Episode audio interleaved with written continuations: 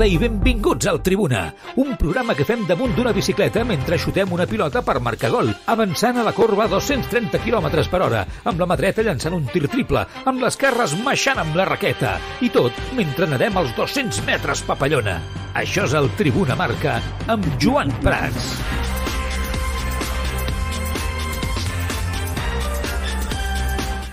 Què tal, com esteu? Molt bona tarda. Benvinguts un dia més al Tribuna Marca. Joan Laporta aclareix des de Colòmbia que si el Barça no millora el fair play financer, no podrà reforçar-se al mercat d'hivern. Dic cap encara del fair play. Eh? I això doncs, ens limita molt a l'hora de poder decidir si volem portar un jugador o, o no. Eh? El fet de l'eliminació de la Champions també ens ha perjudicat el fair play. Sí que és cert que estem millorant amb les sponsoritzacions i a partir d'una xifra, de la xifra pressupostada amb sponsors, eh, si la superem, això ens dona fair play positiu.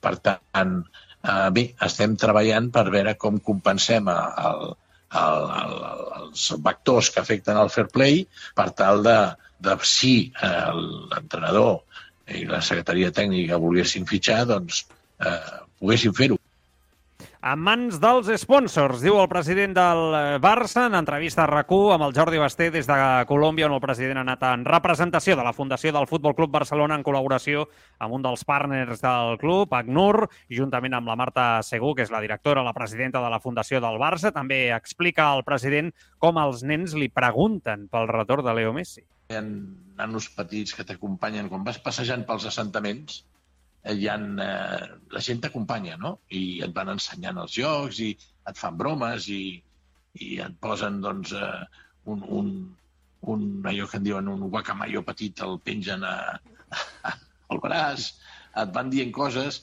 igual et parlen de que una boa l'altre dia es va menjar una gallina i uns pollets, o que aquí està ple de caimans, i et van dient coses i de cop i volta et surten em dient, bueno, i, i, i Messi, i Messi, eh? Messi has de fer que torni al Barça més. Nois petits, eh? molt petits, de, de, de, de quina teniu? Tenien 8, 9, 10 anys.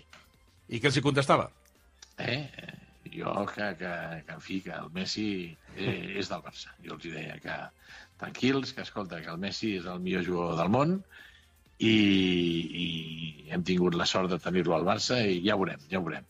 Jo, jo li pregunto, la marca Barça amb un nom com Messi, és evident que encara continua venent, tot i que ja no estigui al club. És a dir, em dóna la sensació que encara que estigui al PSG, el nom de Messi va històricament arrelat al Barça i que no sé si la marca Barça, el nom de Messi, encara tindria valor dos o tres temporades més.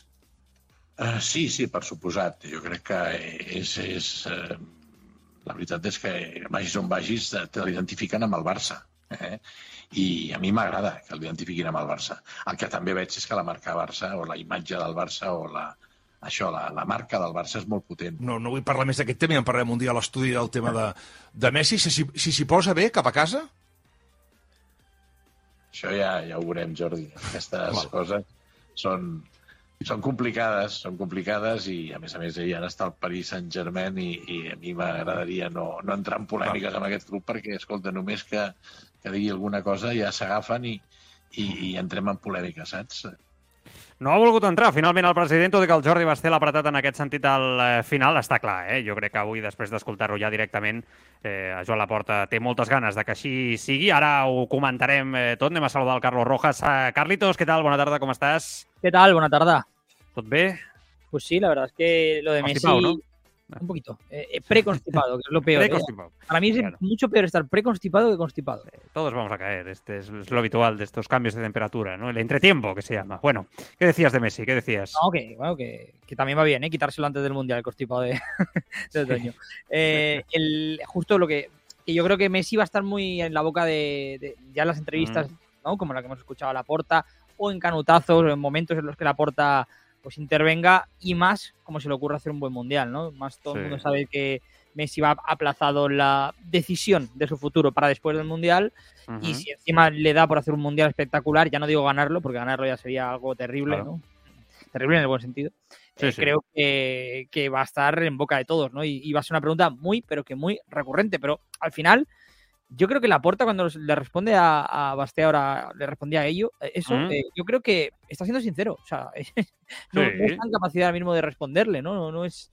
Y, Bueno. y pienso que bueno, que no quiere meterse en un fregado con el Paris Saint Germain, mucho menos en este momento, pero no lo veo tan optimista como en verano. ¿eh? En verano lo veía muy predispuesto y ahora lo veo cauto, si tuviera que decir. Intel·ligentemente, diria jo, Cauto. Eh? En el cas de Joan Laporta del president, després de- d'algunes de, de les declaracions, com dèiem ahir, torna a parlar Joan Laporta, i ja el vam escoltant a l'entrevista del cap de setmana al diari Esport, ara des de Colòmbia, en aquesta entrevista amb el Jordi Basté. Ara analitzarem precisament una mica més el tema de Leo Messi, que està sent molt protagonista, perquè ahir concedia l'entrevista a, a Valdano, avui ha concedit una altra entrevista a la Betzi, a la Comenbol, bé, en directe a través de Radio Marca Barcelona, una tarda més amb vosaltres, a través de radiomarcabarcelona.com, a través també de l'aplicació mòbil disponible per iOS i per Android, que podeu escoltar de Radio Marca Barcelona a totes hores. Teniu els podcasts allà i precisament també a totes les plataformes, iVoox, Spotify, Apple Podcast i totes les plataformes de podcast. Pam, allà, Tribuna Marca, allà estem, a través del YouTube, a través del Twitch, una tarda més amb vosaltres, twitch.tv barra el Tribuna. Podeu participar a través de, del xat, dir-hi la vostra. Ja veig que estan per aquí ja l'Andrés, el Touromi, el Juanito Guapito, l'Ivan San Juan, dient la seva, i a poc a poc aneu entrant tots també a veure el programa. I recordeu que tenim el grup de Telegram, eh? Tribuna Barça, en aquest cas, eh? Tribuna Barça, on allà podeu opinar i comentar l'actualitat del Futbol Club Barcelona durant el dia. Hi ha un fotimer de persones i, com sempre us recomano, traieu les notificacions. Us adheriu al grup i així, no, perquè si no flipareu, perquè a vegades hi ha dies que hi ha 300 missatges, no? Podeu entrar, comentar, és una mena de foro que està, que està molt bé, que està, està molt xulo i, i que realment a mi també m'agra- m'agrada veure no? els vostres punts de vista i m'agrada i em serveix també per confeccionar una mica el contingut del propi, del propi programa. Sobre això de Messi, eh, va- vagi pel davant simplement un tema, que no, no, no crec que hem d'anar, tampoc hem d'estar cada dia parlant del mateix perquè jo crec que ens tornarem bojos tots i que hi ha una part de l'afició del Barça que això li cansa i que em sembla normal que això li cansi, perquè realment estem en el moment de la temporada que estem, això de Leo Messi, si es pot arribar a fer, serà a finals de temporada i donades unes circumstàncies molt particulars que tenen molt a veure amb la situació econòmica del Barça, això per començar, i dos, amb que dues persones eh, amb molt de poder en els seus dos àmbits s'entenguin eh, i facin les paus i els seus entorns també els hi recomanin que és el millor, etc etc etc. I després hi haurà una tercera disjuntiva, que és que el Barça, el retorn de Messi, futbolísticament, li vagi bé. No? Jo crec que no hi ha cap dubte de que l'entrenador vol que Messi torni. Xavi jo crec que ho ha dit per activa i per passiva, però no ens enganyem, al final la realitat és la que és, la que és i al final el Barça és un equip en construcció, incorporar un element com Leo Messi fet i que està acostumat a que els equips juguin pràcticament no, eh, per ell en tota la seva carrera esportiva, pràcticament en tota la seva carrera esportiva, és un component que amb una plantilla tan jove has de tenir molt clar com la introduiràs i a veure com encaixa. Per tant, bueno, són factors que s'han de tenir en compte. Dit això, crec que s'ha de veure. Sobre el primer tall que escoltàvem, el, de, el, de, el del fair play i tot plegat, a mi em sembla bastant més significatiu i bastant més noticiable, perquè la porta, en, enmig dels rumors de possibles fitxatges, que avui estaran per aquí també la, uh, la Vanessa de Lucio i l'Adrián Sánchez per comentar una mica l'actualitat i suposo que sortiran també alguns noms en clau Barça, enmig de tot aquest eh, rumor generalitzat de que el Barça es menjarà al mercat d'hivern, fet que jo ja he manifestat que no crec que sigui el millor ara mateix de cara al Futbol Club eh, Barcelona, és el meu punt de vista, donada la situació, crec que el mercat d'hivern has d'anar amb una urgència impapinable, que crec que el Barça a aquestes altures no té, sincerament. No crec que faci falta fitxar ara un mig centre, no crec que faci fitxar, ara falta ara fitxar un central, no? Eh, que si venen reforcen, sí, però amb aquesta necessitat imperiosa que sí que tenies l'any passat, crec que no és el cas. Potser lateral dret, eh, com ja he dit en diferents ocasions. Pues que enmig de tot això surt el president i el que ens ve a dir és que, bueno, que si no millora el fair play, el Barça no podrà fitxar. I jo crec que és una, és una declaració clara, que jo agraeixo que el president segueixi parlant en aquests termes, el president Laporta, perquè crec que ajuda molt més que quan el president Laporta es posa no, a fer declaracions eh, d'expectatives, de coses irreals, de desitjos, no? que allò confonen a la, a la gent en molts casos. I, bueno, en qualsevol cas, sí que és cert que, que és una declaració que ens ve a dir que si no hi ha sortides, que si no hi ha vendes, no hi haurà fitxatges. I a mi, quan parlem de sortides, amb els jugadors actuals a la plantilla, els números ja em comencen a grinyolar. No hi ha tants noms que puguin ser protagonistes al mercat d'hivern si no sacrifiques jugadors que estan sent importants per Xavi, Carlos. Sí, sí, totalmente. Eh, yo a nivel de, de, lo que es el mercado, también veo un poco ese, ese discurso cauto de, de la porta, seguramente marcado por la incertidumbre también, ¿no? Ya lo ha dicho, lo escuchamos en el primer corte, ¿no? Que depende de cosas prácticamente como que dice ajenas al Barça, ¿no? Eh, Que, que- que piezas que tienen que acabar de cuadrarse. Y yo creo que seguramente con el objetivo no lo dice, pero de evitar la, más palancas, ¿no? Em, Yo creo que se da prioridad seguramente a dejar de activar este tipo de mecanismos, ¿no? Y de sacrificar. Esto seguro, vamos. Vamos, Claro, yo- al final- no- ni, ni lo contemplo yo, ¿eh? Ya vaya por delante. Yo ni lo contemplo, ¿eh? O Yo tampoco de primeras, pero no lo acabaría de cerrar al 100% si la temporada acaba siendo por lo que sea muy mala, ¿no? Que, que el Barça tenga que hacer cambios drásticos otra vez, eh, no lo sé. No lo acabaría de descartar, pero creo que, por lo que insisto, ¿eh? por las declaraciones y por las palabras y el tono de la porta, el Barça va encaminado. La, prioridad es evitar eso, ¿no? Totalmente, ¿no? Las, las palancas y que el club, pues lo que Mm. pueda traer sea porque lo ha generado, ¿no? Y porque el mercado, pues eh, se lo permite fichar. Eh, y, eso incluye, por supuesto, a, a Leo Messi. A partir de aquí, pues, insisto, mm, creo que la Pero temporada es un tono, es un tono de rebajar, ¿eh? Es un tono de. Claro, claro, un- totalmente. De cambiar, un- de, de no entrar ahora a la gran vorágine de grandes fichajes, ¿no? Es un tono de decir, oye, que es que quizá no fichamos a nadie en invierno, o sea, vamos a, vamos a rebajar esta, esta euforia, vamos a bajar el suflé, ¿no? Vamos a ser realistas. Es que yo creo que si el Barça le dieran, le dieran la opción. Creo que es bueno. Claro, pero yo creo que si la Secretaría Técnica le dieran la opción, realmente como tal traerían solo un lateral derecho ahora mismo. Mm, Es verdad que lo demás, que evidentemente siempre se puede mejorar la plantilla en enero, ¿no? Pero habitualmente el mercado de invierno te limita Mm. mucho las opciones en, ¿no? en el propio mercado porque los jugadores están en mitad de temporada y no quieren irse, los clubes no quieren vender, en cambio en verano Mm. la situación es muy diferente. Ahora bien, es cierto, y esto ya lo he dicho más de una vez, que yo creo que este mercado es muy diferente por el tema del Mundial de Qatar. Creo que el Mundial de Qatar va a ¿Tú crees que hay gente que va a entrar en psicosis como entra después de los mundiales en verano y va a empezar a, ofrecer cantidades ingentes de dinero por fichar a jugadores que No hayan solo- destacado en el mundial? Sí, exacto. Y no solo eso, creo que clubes vendedores, Mm. mm, el, el Mundial infla el precio de muchos jugadores, ¿no? Y, Y también lo desinfla. Exacto.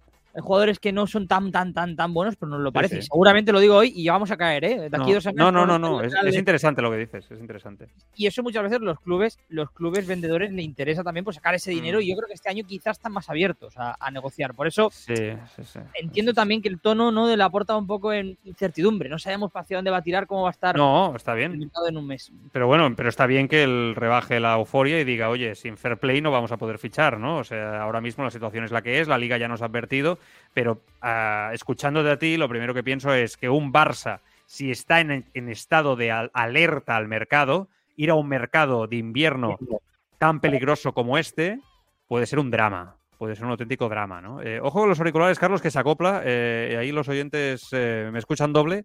Hay que, hay que ir con ojo. Tú los tuyos, sí, sí, acerca del micrófono. Poquito ahí el. Tengo apagado el micro, ¿eh? el canal del micro. o sea, no sé Ah, cómo no se sé, ahí, ha habido acople, no sé, entiendo que, ha pasado por ahí. Bueno, en fin, no, te preocupes.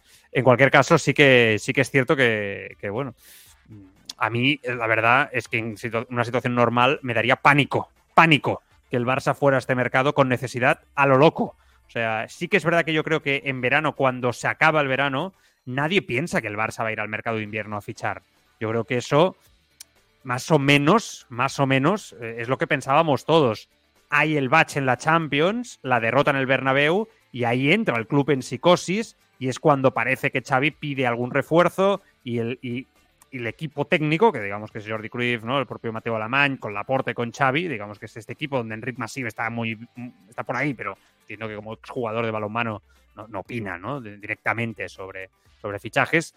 Al fin y al cabo, eh, es cierto que parece que se duda y entonces es cuando se empieza a hablar de incorporar jugadores, de reforzar aún más la plantilla. Bueno, una decisión o una reacción muy resultadista, que creo que después, con el paso de los resultados y las semanas, han vuelto a bajar al, mundo real, ¿no? Y yo creo que se están dando cuenta que seguramente no era lo mejor, ¿no? Entrar en ese, en ese mercado. Por eso digo que estas palabras de Laporta, a mí particularmente, me dejan tranquilo, porque yo creo que el Barça solamente puede sufrir en el próximo mercado d'invierno. Solamente le poden astillar. Només li poden fer mal a nivell econòmic. És la meva sensació. O sigui, crec que, que un Barça necessitat anant a fitxar eh, extrems, anant a fitxar laterals, eh, migcentres, eh, tot, el- no sé, qualsevol posició, perquè ha sonat de tot ja els darrers dies, no? Crec que pot ser molt perillós. I si a sobre vas per un jugador que destaca al Mundial, la podem plegar. Jo recordo fa molts anys, no sé si no en recordareu, Andrei Arshavin. Recordeu que jugador rus. Hmm, Era- Eurocopa 2008. Que, que Eurocopa, Arshavin se sale, ¿no? Hasta que quedan eliminados contra España en semis, creo, Rusia, ¿no? Si no me equivoco. ¿verdad? Eh, y el Barça iba loco por el Arshavin este. O sea, iban, iban loco, loco. Y no vino, gracias a Dios, no vino. Jugaba en el Zenit, ¿te acuerdas? Y al final fichó por el Arsenal, ¿no? Y no hizo nada. Y eh, fue un bluff total aquello, ¿no? Eh, me viene a la cabeza un jugador así, pero después de mundiales hay tantos casos. Madrid se comió, entre comillas, porque el primer año fue bueno, James, ¿no? James. Se lo pagó comió, se lo comió, se lo comió, sí, sí. 75 millones por James, hizo un buen primer año, pero el resto fue espantoso, ¿no? Por eso. James, Por eso, tú imagínate el lateral derecho que se va a salir, porque un lateral derecho sorprendente que se va a salir en el Mundial va a haber. O sea, no tengáis dudas, ya os lo avanzo yo, no hace falta ser futurólogo. Ya os digo que va a haber el lateral derecho de, no sé, de Wakanda, que por, no decir un país, por poner uno que no, que no existe, que es de ficción, el de Wakanda, que nos va a parecer eh, el nuevo Dani Alves, ya os lo digo. Y el Barça buscando un lateral derecho. Pues la psicosis que pueda haber en ese momento va a ser brutal. Portadas. El Barça quiere a no sé quién, al Pepito de Wakanda, al no sé qué, no sé cuántos, piden no sé cuántos. El del Ajax nos va a parecer. o sea, hay que yo creo que es importante que Laporta y su equipo mantengan los pies en el suelo. O sea, más que nunca, ¿no? Porque entender que la situación es la que es, que el fair play va a marcar y no entrar en una psicosis y no empezar eh, a, a desmontar al equipo ni entrar tampoco a filtrar nombres de posibles salidas, porque no nos engañemos, toda la salida de De Jong entra porque se filtra desde el propio club por una necesidad económica brutal, el propio Jordi Alba el último día con la situación, que no digo que, esté mal, bien, o sea, al final sin entrar ahí, pero es verdad que el propio club es el que lo mueve por la necesidad que tiene de rebajar ese fair play, entonces a partir de aquí hay que ver, ¿no? Exactamente, eh, pues cuál es la realidad, que tienes que acabar una temporada y que seguramente el mercado de verano va a ser el mercado bueno, el mercado donde vas a poder asumir riesgos entre comillas, porque la situación a nivel contractual es la que es aún con muchos jugadores y que te perjudica aún habiendo salido, en este caso, Gerard Piqué. Més coses, eh, perquè li pregunten per Ousmane Dembélé, que acaba contracte el 2024. Sí, ja ho sabem, fa molta mandra, és un bucle, o sigui, hem tornat, és el dia de la marmota, eh? tornem a estar igual que l'any passat amb Ousmane Dembélé, tornem a parlar de la renovació d'Ousmane Dembélé. Jo, la veritat que és acollonant aquest tema. Eh, i sobretot per un jugador que per mi no mereix que perdem tant de temps parlant d'ell, però clar, és un jugador que cobra diners, que és important, que és titular, que per mi no rendeix com s'espera, però eh, la renovació va ser per dos anys, per tant, s'ha de parlar ara. Si no, ja l'any vinent començarà un altre cop amb la, amb la mateixa situació i podrà sortir lliure el 2024 i, bueno, eh, ja estarem un altre cop en el mateix, eh, en el mateix bucle. Bueno, doncs li pregunten per aquesta renovació. Acaba el 2024, té clàusula de 50 milions d'euros. Serien 25 milions d'euros per Dembélé, 25 pel Barça, si, si el vengués aquest, eh, aquest estiu al Futbol Club Barcelona.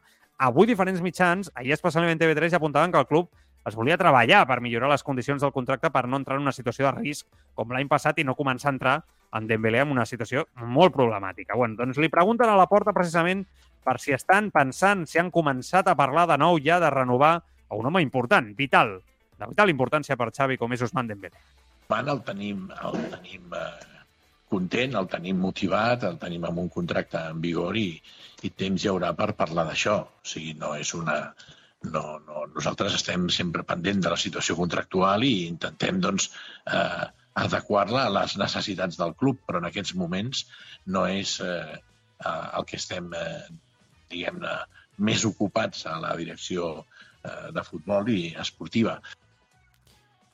Eh, vale, no, yo diría que no, pero si tú tienes que adecuar el contrato a las necesidades del club, como dice el presidente, Laporta, eh, lo más prudente sería renovarlo, ¿no? O sea, entiendo, ¿eh? O sea, eh, para lo mejor para el club es que no llegues al mes de junio con este jugador sin renovar y acabando contrato entrando en, el- en su último año, ¿no? Porque además sabemos el historial que tiene con su representante, cómo es, etcétera. Entonces, lo más prudente es, es estar hablando ya de la renovación o los, el próximo mes o los próximos dos meses. Ese es el tema. No, no, no. A ver, aquí al final el tema es que, que Dembélé va a ser un caso seguro, ¿no? Y, o sea, yo al final, escuchando a, a Hay la- que a la- venderlo.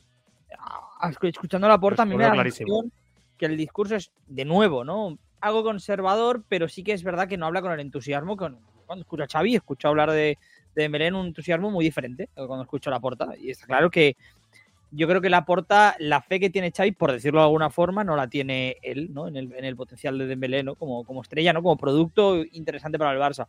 Y, y no nos engañemos, antes lo hemos dicho Mm. para en el caso de compras, pero en el de ventas también. Dembélé, si hace un buen mundial y se revaloriza, por lo que si algún club está muy interesado en él, teniendo en cuenta la cláusula que tiene el Barça ¿no? en, en verano, incluso te plantearía, Joan, que es entrar un poco en un escenario de ficción, ¿no? Porque si hace un super mundial y te ofrecen mucho dinero por él en enero, eh, mejor venderlo en enero que venderlo en junio por 50 millones d'euros. Perquè, desde No luego, pot ser això. No pot ser. No, no, no pot ser que el Barça entri en aquest bucle constant, no? eh, constantment, cada temporada amb aquest futbolista des de fa molts anys i amb un entorn tan complicat com és el seu representant, que evidentment no va posar les coses fàcils. De fet, jo, amb el pas dels mesos, la sensació que he tingut és que el representant era principalment qui posava els problemes per a aquesta renovació. Llavors, el que no pot ser és que estiguis de nou en aquesta situació, com diu el Carlos ara molt bé, amb molt bon criteri, i que jo li compro, no? I, i, i realment que tot, apor, a, a tot apunti a que és, és així. Uns mesos després, amb la confiança que li ha donat Xavi, ara amb l'aturada pel Mundial i que jo crec que és un bon temps per reflexionar, jo ho pregunto, eh, i que la gent del xat també ho contesti si ho creu convenient. Realment, ara mateix, realment us compensa tenir a Dembélé a la plantilla? O sigui, jo ja Ara sé mi- que hi ha molta gent que li encanta Dembélé, eh? Tu, Carlos, dices que no. Okay. No, no, es que ahora mismo no. Va. No, no, no, ok. Pero, yo creo que es- encanta, ¿eh? pero no. Sí, pero, pero no. O sea, o sea, a mí también me gusta cuando tiene esos partidos extraordinarios que se sale, ¿no? Eh, se sale porque cuando está bien y el partido responde a un orden táctico en el cual él se encuentra muy a gusto, porque yo creo que esto hay que tenerlo en cuenta, ¿no? Él, él se encuentra muy a gusto en unas ciertas características con espacios, etcétera, pero cuando le pides según qué función, Dembélé es una persona que le cuesta entender lo que le pide eh, su entrenador en un, en, en un entramado táctico que no es especialmente fácil, todo lo contrario, seguramente sería el jugador, entre comillas, ¿no? Que, o el estilo de juego del Barça, el más complicado del mundo de, para un jugador de fuera, etcétera, ¿no? Eh, es verdad que tiene días muy buenos, pero días muy malos. Y yo creo que el Barça no se puede permitir tener un jugador que sea tan blanco y negro, ¿no? La cara y la cruz constantemente a estos, niveles, a estos niveles. Por lo tanto, yo lo voy a decir ahora claramente, ya sé que hi ha molta gent que no, que no ho vol i que reconec que és un jugador desequilibrant, eh? però crec que el moment per vendre Dembélé és el mercat d'hivern, després del Mundial. Sí, sí, Sí. Ho dic així de clar. Es que imagínate que hace un buen que mundial. aquesta és la gran oportunitat. Pues hay, hay que aprovechar. Si hace un buen mundial, además, es que yo me lo estoy imaginando. Ya no digo que se salga, que haga un buen mundial. Mm. La situación, teniendo ese contrato, ¿no? De 50, esa cláusula de 50 millones en junio, Mm.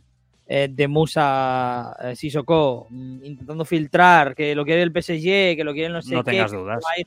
serán otros seis meses así y va a ser Ah. insoportable a todos los niveles. Yo creo que el Barça no se lo puede permitir y, y, sinceramente yo pienso que la Porta piensa co- eh, cree como nosotros que Mm. lo vendería. Si viene una oferta en enero de pongamos 90, 100 millones de euros Mm. por él, vamos, lo vendería como encantado. Ahora bien, La porta és una cosa, Xavi és otra, eh? exacto, que Xavi diría, no lo vendas porque acaba de hacer un mundial muy bueno.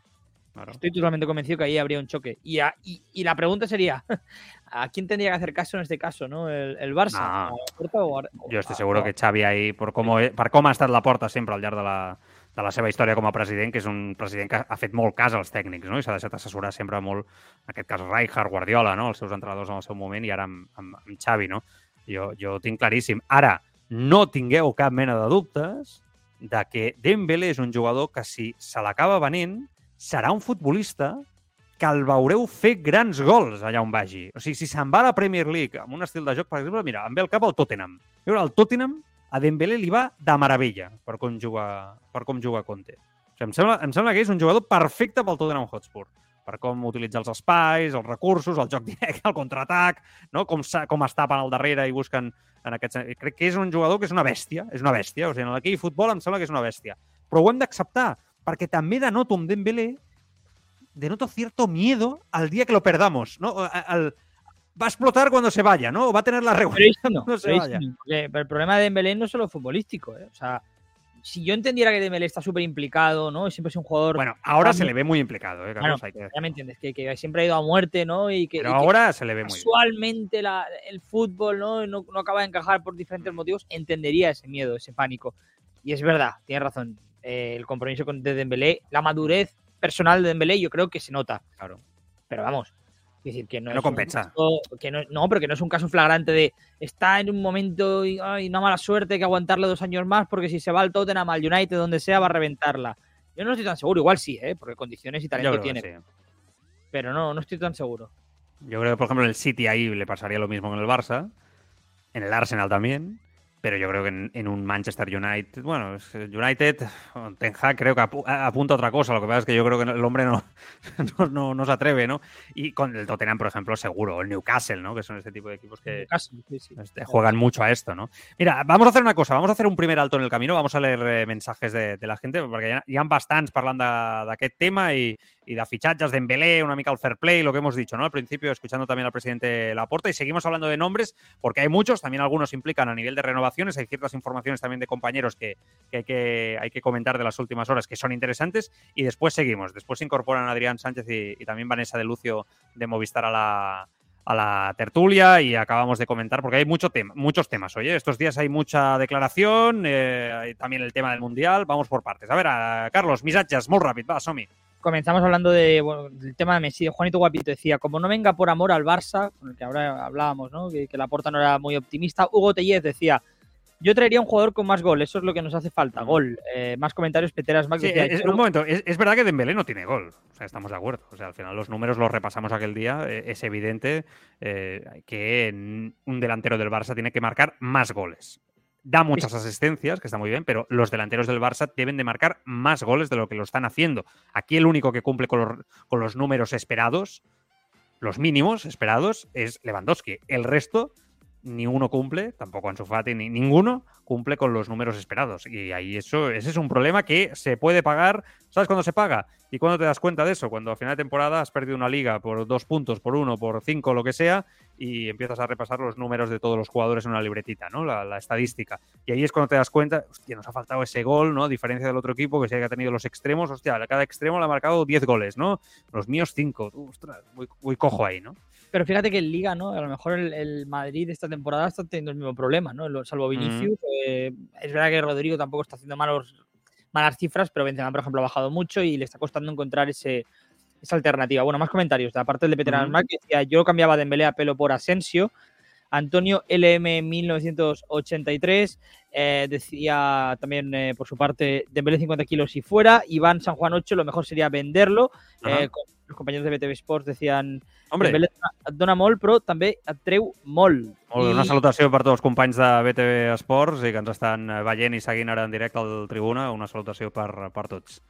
Y por último, Tugromi que decía también, eh, hemos entrado en una espiral de ansiedad y huida hacia adelante que no va a acabar nada bien. Eh, de hecho, te, te comentaba ahora Hugo Tellez, que lo hemos metido ahora, eh, mira que se fue, mira que se nos fue Aubameyang, ese le metía hasta con el ojo. O te das cuenta cuando te sacan roja a Lewandowski y te preguntas, ¿quién meterá el gol? Depender de Pedri no es una opción. Vale. Eh, bueno, és veritat que el d'Aubameyang... A veure, no ens enganyem, és cert que, que és un jugador que li hagués anat molt bé al Barça. No? És cert que és un, que és un jugador que estava, ho estava fent prou bé. A mi, jo ja vaig dir en el seu dia que a mi m'havia sorprès.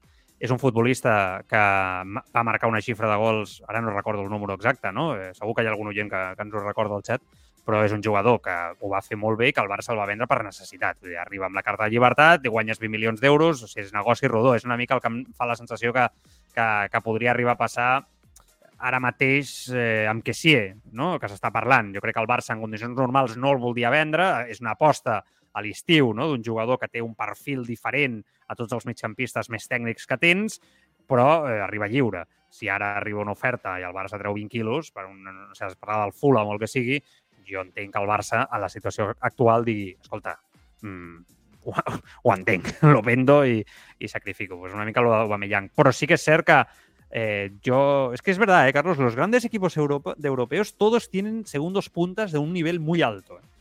O sea, eh, aparte del delantero centro de referencia, y después, si, si no, lo- los, top 5 todos tienen extremos con gol, que llegan. Eh, Quizá Barça y Madrid son los únicos que no, ¿eh? Eh, que están sufriendo ese problema. Que Pienso en el City, tiene gol. El Madrid quizá menos porque tiene Vinicius, ¿no? Dentro de cabe sin Benzema, pero tampoco es un Rodrigo. Rodrigo, pero, pero bueno, están en cifras goleadoras ¿no? más o menos aceptables.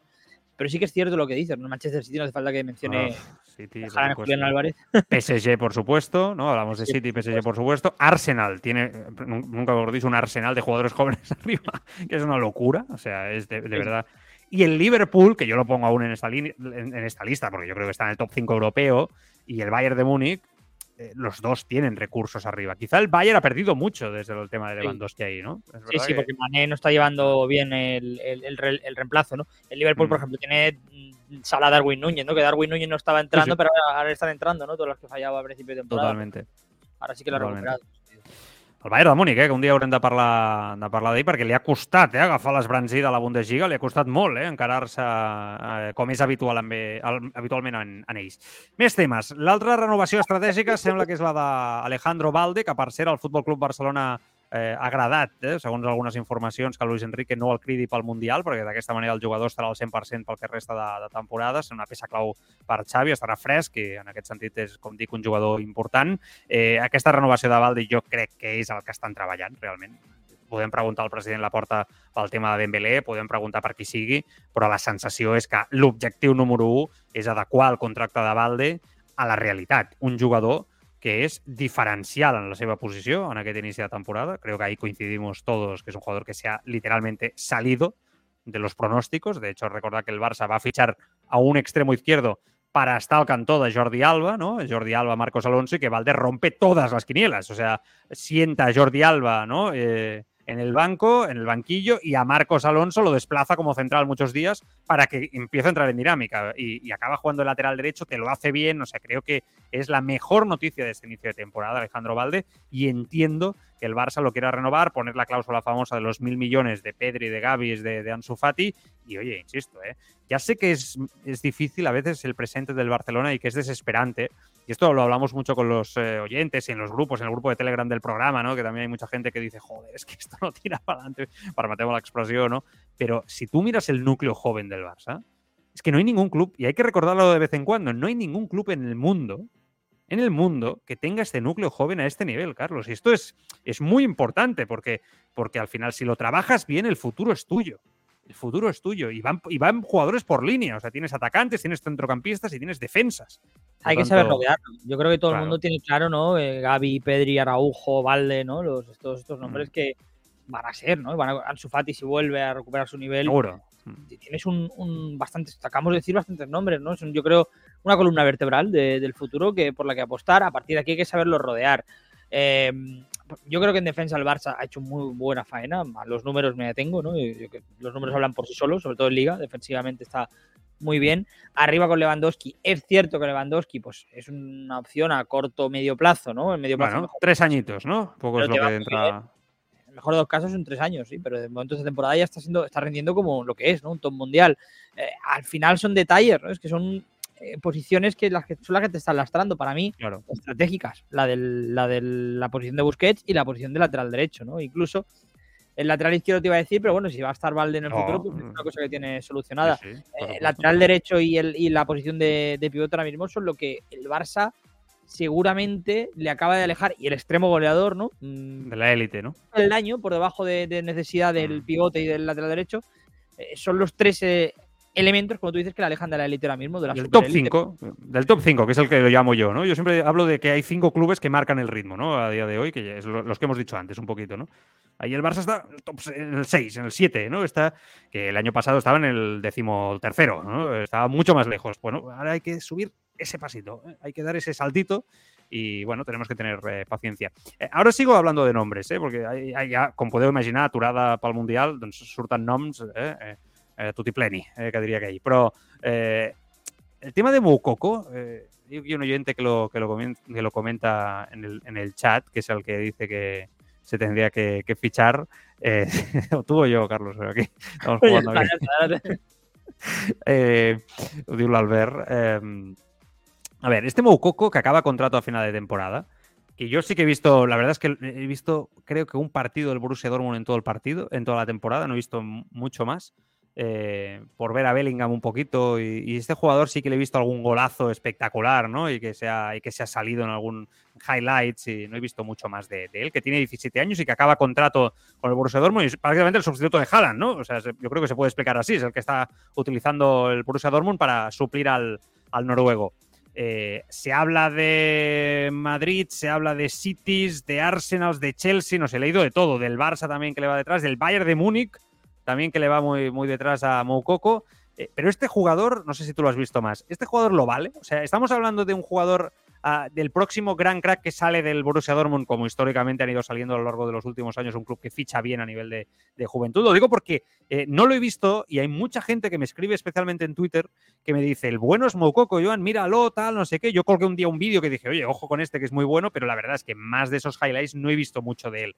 No sé si tú tienes más información, porque aquí ya veo que también hay gente que lo pide y el Barça es evidente que a la larga, bueno, a corto plazo va a necesitar fichar un delantero, ¿no? Es un delantero centro, entiendo, este, este sí, chico. Sí, sí, sí, delantero centro. Yo, yo recuerdo, fíjate, Mm.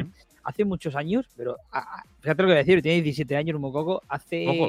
como 4 o 5 que le leía al compañero Juanma Romero que hizo un hilo en Twitter ¿no? sobre Sí, hablando del niño, porque era un niño, claro. pero un jugador que, que tenía cifras totalmente, vamos, aún no conocíamos a Haaland, ¿no? Pero eran categorías inferiores. Un jugador que hacía 15 goles en 5 partidos o en 4 Ajá. partidos. Cifras absolutamente, vamos, monstruosas, ¿no? Las categorías inferiores del Dortmund. Ujú. Y, y ya estuvo convocado muy joven con el Dortmund. eh, Fue incluso debutó, creo que es uno de los debutantes más jóvenes, si no el más debutante, el más joven debutante de la historia de la Bundesliga. Mm. Y a partir de aquí es verdad que con la salida de Haaland pues ha cogido mucho peso, ¿no? Y se le ha dado esos galones y de momento no está, no está fallando.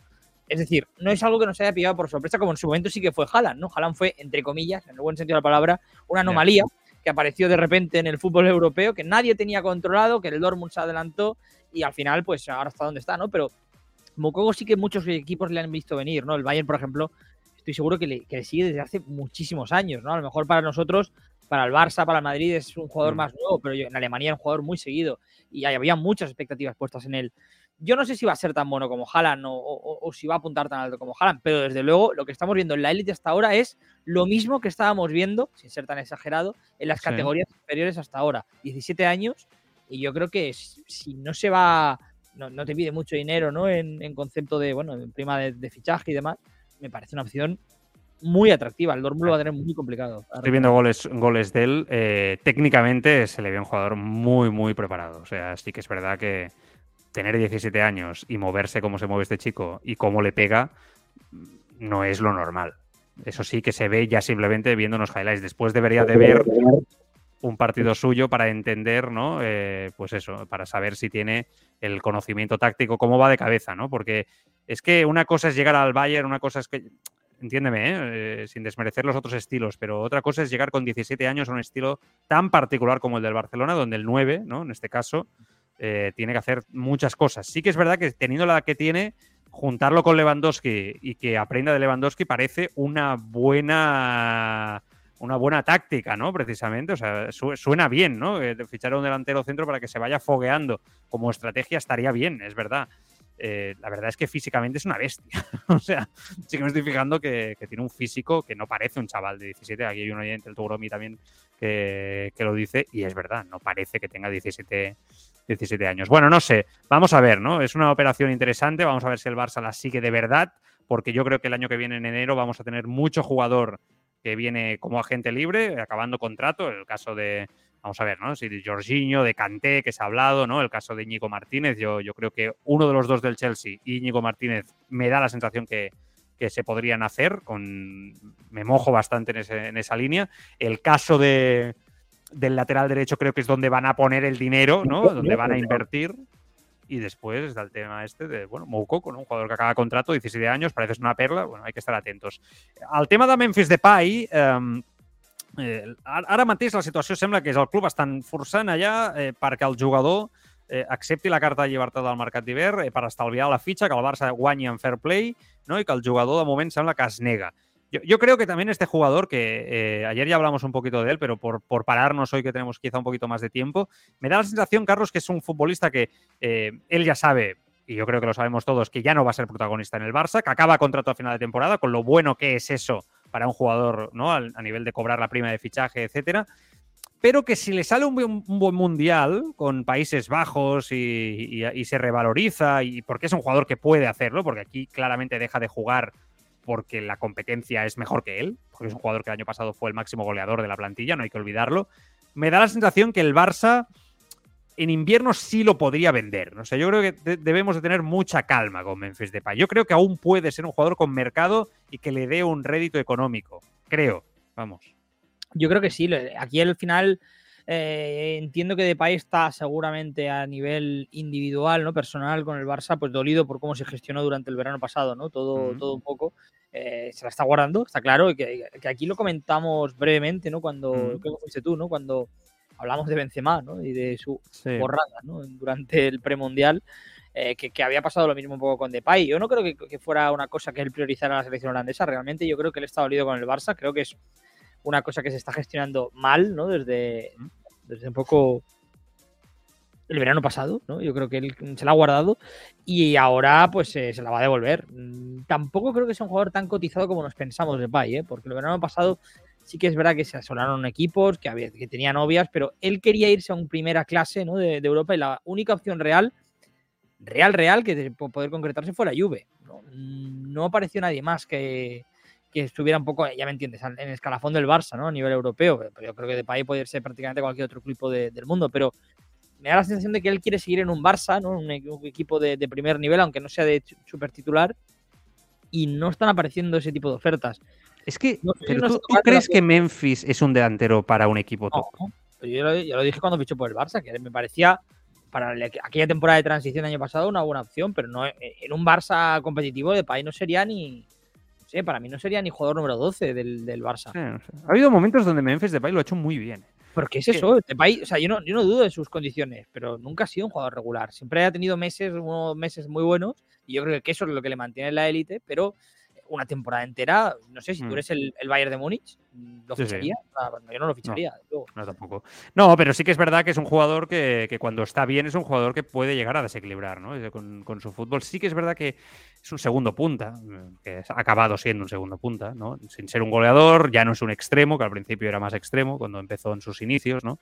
Y, y ahora es cierto que ha quedado ni chicha ni limoná, ¿no? que se dice, i, i, i li falta regularitat. Bueno, quizás sí. Vamos a ver no? què passa. Més noms. Eh, a nivell de fitxatges, ahir Gigantes, amb el Gerard Romero, explicava que Xavi segueix insistint en Zubimendi pel, pel pivot, que és una mica el que dèiem abans. La porta sembla, segons aquestes informacions, que prefereix a Rubén Neves, representat per Jorge Méndez. Ho dic perquè em sembla que és un factor determinant eh, eh, perquè el president vulgui en aquest sentit a Neves. Xavi ha contestat que si arriba Neves li agradaria quedar-se amb Busquets a la propera temporada perquè no ho veu clar. Aquesta informació em sembla molt significativa. Eh, ahir quan li vaig escoltar el Gerard Romero, eh, sempre ben informat, em, em sembla que, que ens diu molt de la, de la situació respecte a què vol exactament Xavi. O sigui, Xavi pateix ara mateix perquè el Barça perdi el millor mitcentre defensiu de la història del futbol. I el millor per jugar, el millor pivot per jugar a la posició eh, en l'estil Barça. Jo crec que això coincidim absolutament tots.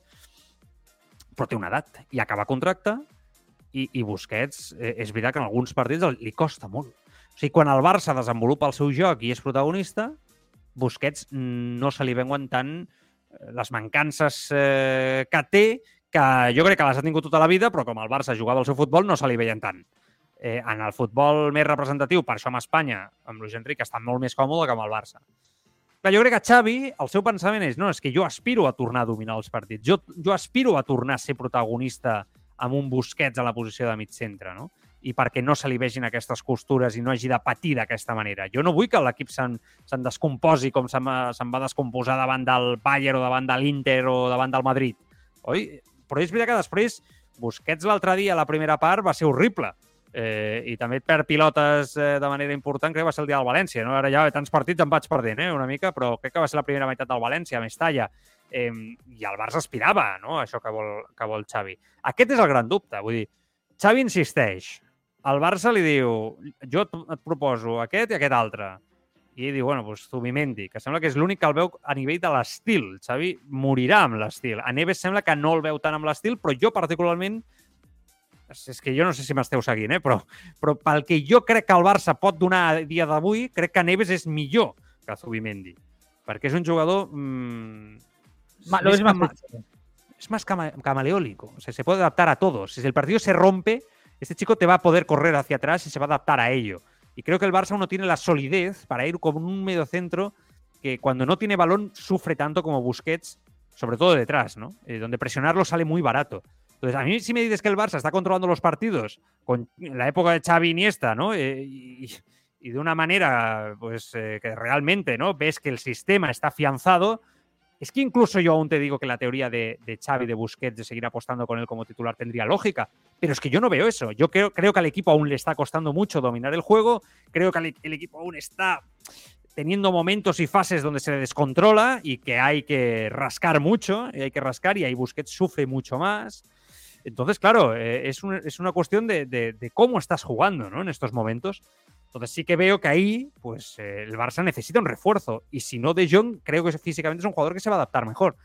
Entiendo a Xavi, pero a la vez me da la sensación que no toca con los pies en el suelo respecto al momento. No yo, sé, ¿eh? yo en, ese, en, ese, sentido, lo que comentabas eh, en concreto, ¿no? del caso Zubimendi y Neves, me da la sensación de que tú eres más partidario de una opción cortoplacista, más que asegure más, ¿no? Más ir a más asegurar.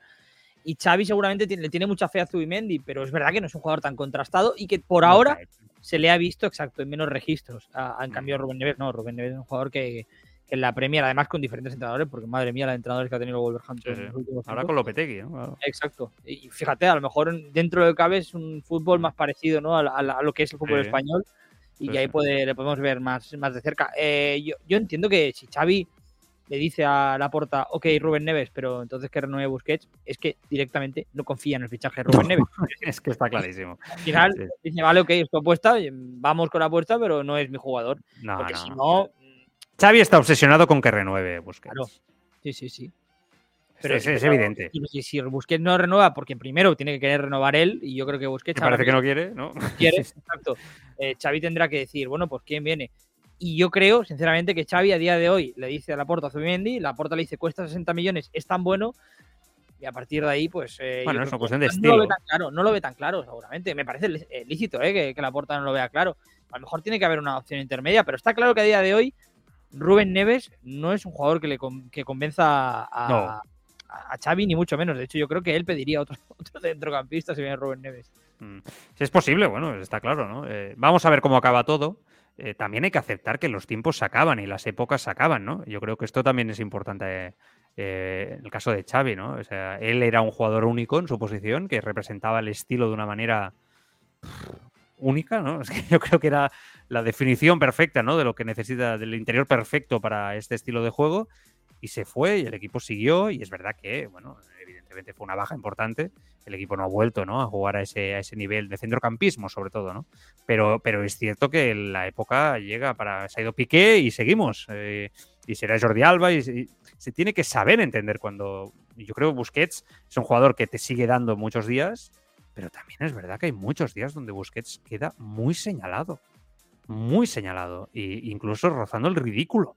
Entonces, eh, Xavi lo ha llegado a sustituir este año porque yo creo que ve que el equipo aún no está ensamblado a ese sistema donde Busquets puede brillar y lo, y lo, lo protege sustituyéndolo, ¿no? Es que el Busquets es una pieza que sale, no una pieza que entra. Es decir, eh, si es un jugador que pudiera aportar en ese estilo, está claro, pero no, no puedes construir el mediocampismo del Barça, que va a ser la piedra angular del proyecto de Xavi, si finalmente, ¿no? Si finalmente parece que se ensambla, no puedes construirlo en torno a Busquets, porque Busquets a lo mejor te puede rendir, te va a hacer un buen año, pero no, no, no, no va a tirar más. Quiero decir, físicamente yo creo que Busquets está muy limitado, más allá de sus capacidades. Bueno, te rendirá, lo- Carlos, lo, lo que, lo- o sea, e- el tiempo que te tardará en volver a ese nivel, porque es, es el tiempo que el Barça tarde e, en, en ensamblar ese proyecto táctico ¿no? que tiene Xavi y de dominarlo, ¿no? O sea, si hasta cuando, cuando el Barça juegue al 100% y domine todos los partidos y, y realmente esos automatismos ya se vean definidos al 100%, Busquets no sufrirá tanto. En todo ese proceso habrá muchos días donde Busquets va a quedar muy señalado. Entonces, bueno, si Xavi, yo entiendo que Xavi hace una apuesta por, por conseguir ese 100% en los automatismos. Por eso creo que insiste en la, en la continuidad de Busquets y que entiendo que no vea pivote mejor en el mercado. No vea a nadie mejor ahora mismo en el mundo del fútbol para jugar de pivote mejor que lo hace Busquets en el fútbol que tiene Xavi en la cabeza. Lo que pasa es que también aquí debemos de ser conscientes y realistas. Más defensor que yo del estilo no hay nadie, ya lo sabes. O sea, o- David Bernabéu. David aún, es, aún más que yo creo. Pero sí que es verdad que, que yo entiendo que el aficionado quizá no tiene ese tiempo. ¿Sabes? O sea, al final creo que la gente no está dispuesta a seguir viendo según qué momentos de Sergio, Busquets durante el terreno de juego. Y hay que, hay que entender también que esto va de construir futuro, pero que el, el presente tiene que ser el mínimo duro posible o lo, lo más eh, ¿no? Eh, asequible para el aficionado, en general para todos. ¿no? No, no, está claro que el fútbol no espera a nadie, que al final no nos engañemos, porque eso ha sido muy importante y yo creo que de la vieja guardia, ¿no? Entre comillas, es el futbolista que más le puede dar al Barça. aún. Mm. Pero sale también en muchas fotos, Busquets. O sea, Muchas, muchas, muchas. No salen tantas como Jordi Alba, quizá, pero. Como Jordi Alba, pero, pero vamos. Hombre, casi, casi. ¿eh? Pero salen muchas, exacto. Eh, Y al final eh, hay gente. Yo creo que el chat, ¿no? Eh, Que, que muchas veces aquí hay gente que está a favor de que siga Busquets, pero hay muchísima crítica a Busquets a Sí. día de hoy, ¿no? Y eh, Sí, sí. a, a- a veces incluso con motes despectivos, ¿no? Que veo por el Ujú. chat. Mm, No sé, yo no creo que el aficionado del Barça sea unánime, precisamente. ¿eh? Ha sido Con el- picado, ¿eh? Busquets. Eh, recordemos que ha habido algún momentito, ¿eh? Que ha habido algún pito por ahí. Bueno, és, és el que hi ha. Bueno, en fin, eh, més coses. El tema del lateral dret. Eh, eh, la, el mateix mitjà deia que el Barça està buscant perfils de laterals dret joves com a pla de futur perquè veuen que no hi ha cap lateral dret dominant al món com hi havia Dani Alves. Eh, compta l'opció de Pavar, ¿no? que no es descarta si no renova amb el Bayern de, de Múnich. Eh, a ver, Pavar a mí me gusta mucho, tú sabes que yo siempre te lo he dicho, que creo que es un lateral muy interesante, que te cumple, es un cumplidor, es un cumplidor, ¿eh? Pavar es un cumplidor, sin ser un derroche de facultades, ¿no? Es un, un lateral que yo creo que lo podría hacer bien. Pero claro, Pavar no es Dani Alves, ¿eh? Pavar no es Roberto Carlos en la izquierda o Cafú en la derecha, o sea, Pavar no es, no sé, es que hay que entenderlo. Entonces, ir a buscar un lateral joven para el futuro, a tres años vista, ¿no? Que pueda estar ahí, pues a mí me parece interesante fichar jugadores jóvenes, hacer operaciones a lo Pedri, siempre lo voy a aplaudir, ¿no? Pero eso a mí y a la afición creo que no le vale. Creo que la gente ahí sí que detecta que el Barça tiene un problema muy grave y que hay que fichar a alguien eh, porque si no, al final el lateral va a ser Valde. Entonces, eh, que parece el único ¿no? que te soluciona el problema. Y después hay un tema, y es que yo hace días que sigo a este chaval del juvenil, Héctor Ford, de 16 años, y vamos, yo no sé en el Barça qué están pensando, eh, pero creo que es un jugador con unas facultades impresionantes, que en la Youth League eh, les encanta, que siempre están los mejores once de la jornada, que media Europa va detrás de él. Es que estoy convencido que este chico, si estuviera en el, no sé, en donde fuera, en el Botafogo brasileño o en el Mónaco, que le gustan los laterales de a Carlos del Mónaco, eh, este chaval que está en la cantera de Anderson, eh, el, el- yo creo que este, iríamos locos por ficharlo. Y está en casa, tiene 16 años y se está saliendo. Es un, un- un desborde constante, además te juega a veces de central, es saltos fuerte. Y, y de verdad es una pasada verlo jugar en el lateral derecho de- de- del juvenil. Pues quizá es esta la apuesta que tienes que hacer. Es muy joven, pero. Tú has dicho ahora que están pensando en el Barça, pero pues lo podemos personalizar, que está pensando Xavi, ¿no? Pues Xavi, yo lo he dicho más de una vez, yo no dudo para nada, pero vamos, para nada, ¿eh? del compromiso que tiene con el estilo, pero sí que es verdad que el compromiso con la Masía todavía está por ver. O sea, más allá de lo de Valde, ¿no? Yo todavía no le he visto hacer una apuesta clara por un jugador, decir, voy a muerte con este. Sí, pero Valde también ha sido al final un, jugador que ha tirado la puerta abajo, ¿no? Como aquel que dice, Mm. pero un jugador que le haya dado entrada y haya dado confianza desde el primer momento, ¿no? Tenía la opción, entre comillas, con Nico, que es entendible que no le, que no le guste, pero estoy totalmente convencido que, que este chico que tú comentabas, pues lo tiene que tener controlado, ¿no? La, la- la habrá visto jugar seguro. Si no lo ha- que tampoco es- Supongo que le habrán preguntado a Xavi, ¿no? Un jugador que de- despunta a nivel mundial y que es uno de los laterales derechos mejor eh, valorados. Eh, entiendo que a Xavi tendrá opinión sobre ello, ¿no? ¿O no? Me no Hay- sé. si hay un momento, lo que está claro es que si hay un momento para apostar por él es ahora, porque el Barça tiene una crisis en el lateral derecho. Otra cosa es que tuviera el lateral derecho sentado y este jugador pues estuviera haciéndolo bien. Sería complicado darle entrada y más en esa posición, pero ahora es el momento para, para apostar por él. Entiendo que Xavi o no lo tiene tan controlado o no le gusta directamente. Luego lo de Pavar, pues hombre, me parece una opción que no, es, no está mal, ¿no? Pues, como tú comentabas, pero antes hablábamos precisamente, ¿no? Del Mundial y de la Eurocopa, lo que tiene. Pavar eh, fue el lateral derecho de moda del pasado Mundial. Eh, Guerreiro fue el de la Eurocopa 2016, que me acuerdo también. ¿eh? Y los dos, mira, han sido al final no un caso Archavin porque han sido mejores, pero tampoco han sido lo que parecía que iba a ser, ¿no? Pavar todos nos creíamos que iba a ser el gran dominador del lateral derecho en el mundo, ¿no? Y, Y no, no. lo ha sido. T'estic poniendo, t'estic poniendo un gol, eh, pel- pels que no ens esteu escoltant per la ràdio, esteu veient el programa a través de Twitch o, o de YouTube, estoy poniendo el gol que le marcó a l'Europa, eh, que es un golazo. Sale desde... Por eso Una te digo que es, No, no, tiene una potencia física impresionante. Sí, sí. Yo lo he visto en directo y este chaval, de verdad, ¿eh? es, es- Bueno, a ver, es que en el momento que el City va detrás y se lo quiere llevar como Eric García, etcétera, o sea, tiene, tiene a todos detrás, no es casualidad. O sea, estamos hablando de un jugador que el Barça lo ha renovado ahora, pero que si no le da salida, eh, va a hacer 17 en unos meses.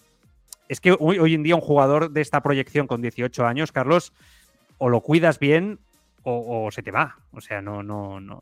Es que Valde, si no le llegan ya a dar salida, se te iba, ¿no? O sea, es que ese es el problema. A Bellerín le pasó en su día, que se fue por eso, ¿no? No, no sé si llegó a tener 18, un poquito más joven, ¿no? Quizá 17, sí. sí.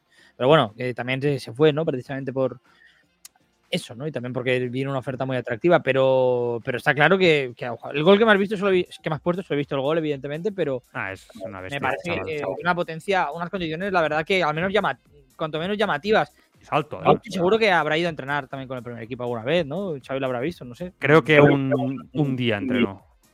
Entrenó un día, hace claro, poco. En esa, en esa, dinámica, pero insisto, si Xavi no le convence, es un poco lo que decimos siempre, ¿no? Es, es, es, los éxitos y los fracasos van a Xavi en este tipo de, de gestión. Y me, me, sorprende, sinceramente, que no esté tirando de la cantera y menos en una posición como esta, ¿no? Que, que el lateral derecho es un quebradero de cabeza. Hablamos del pivote, pero el, el lateral derecho. Pero a ver, también eh, soy consciente de que tiene 16 años, o sea, que también hay que ponerlo en su contexto, ¿eh? Pero, pero no, que... no, no, pero que bueno, pero si, si te gusta y, y, y, confías en él, al menos llamarlo, tenerlo, ¿no? No sé, tenerlo un poco bajo el radar, ¿no? Eh, está claro que meterlo a jugar con 16 años en primera división no. es complicado, pero. No pero sí que te tiene que marcar el, el, futuro que vas a hacer ahora inmediatamente en el próximo mercado, creo que no, sino en el siguiente. ¿no? O sea, la inversión que puedas hacer en un momento determinado, eh, eh, etcétera. Mira, tengo por aquí a Vanessa y a Adrián Sánchez ya que han entrado por aquí, vamos a saludarlos. Eh, a los dos ahí, ¿qué tal? ¿Cómo estáis, compañeros? Adri, ¿qué tal? Muy buenas. Hola, ¿qué tal?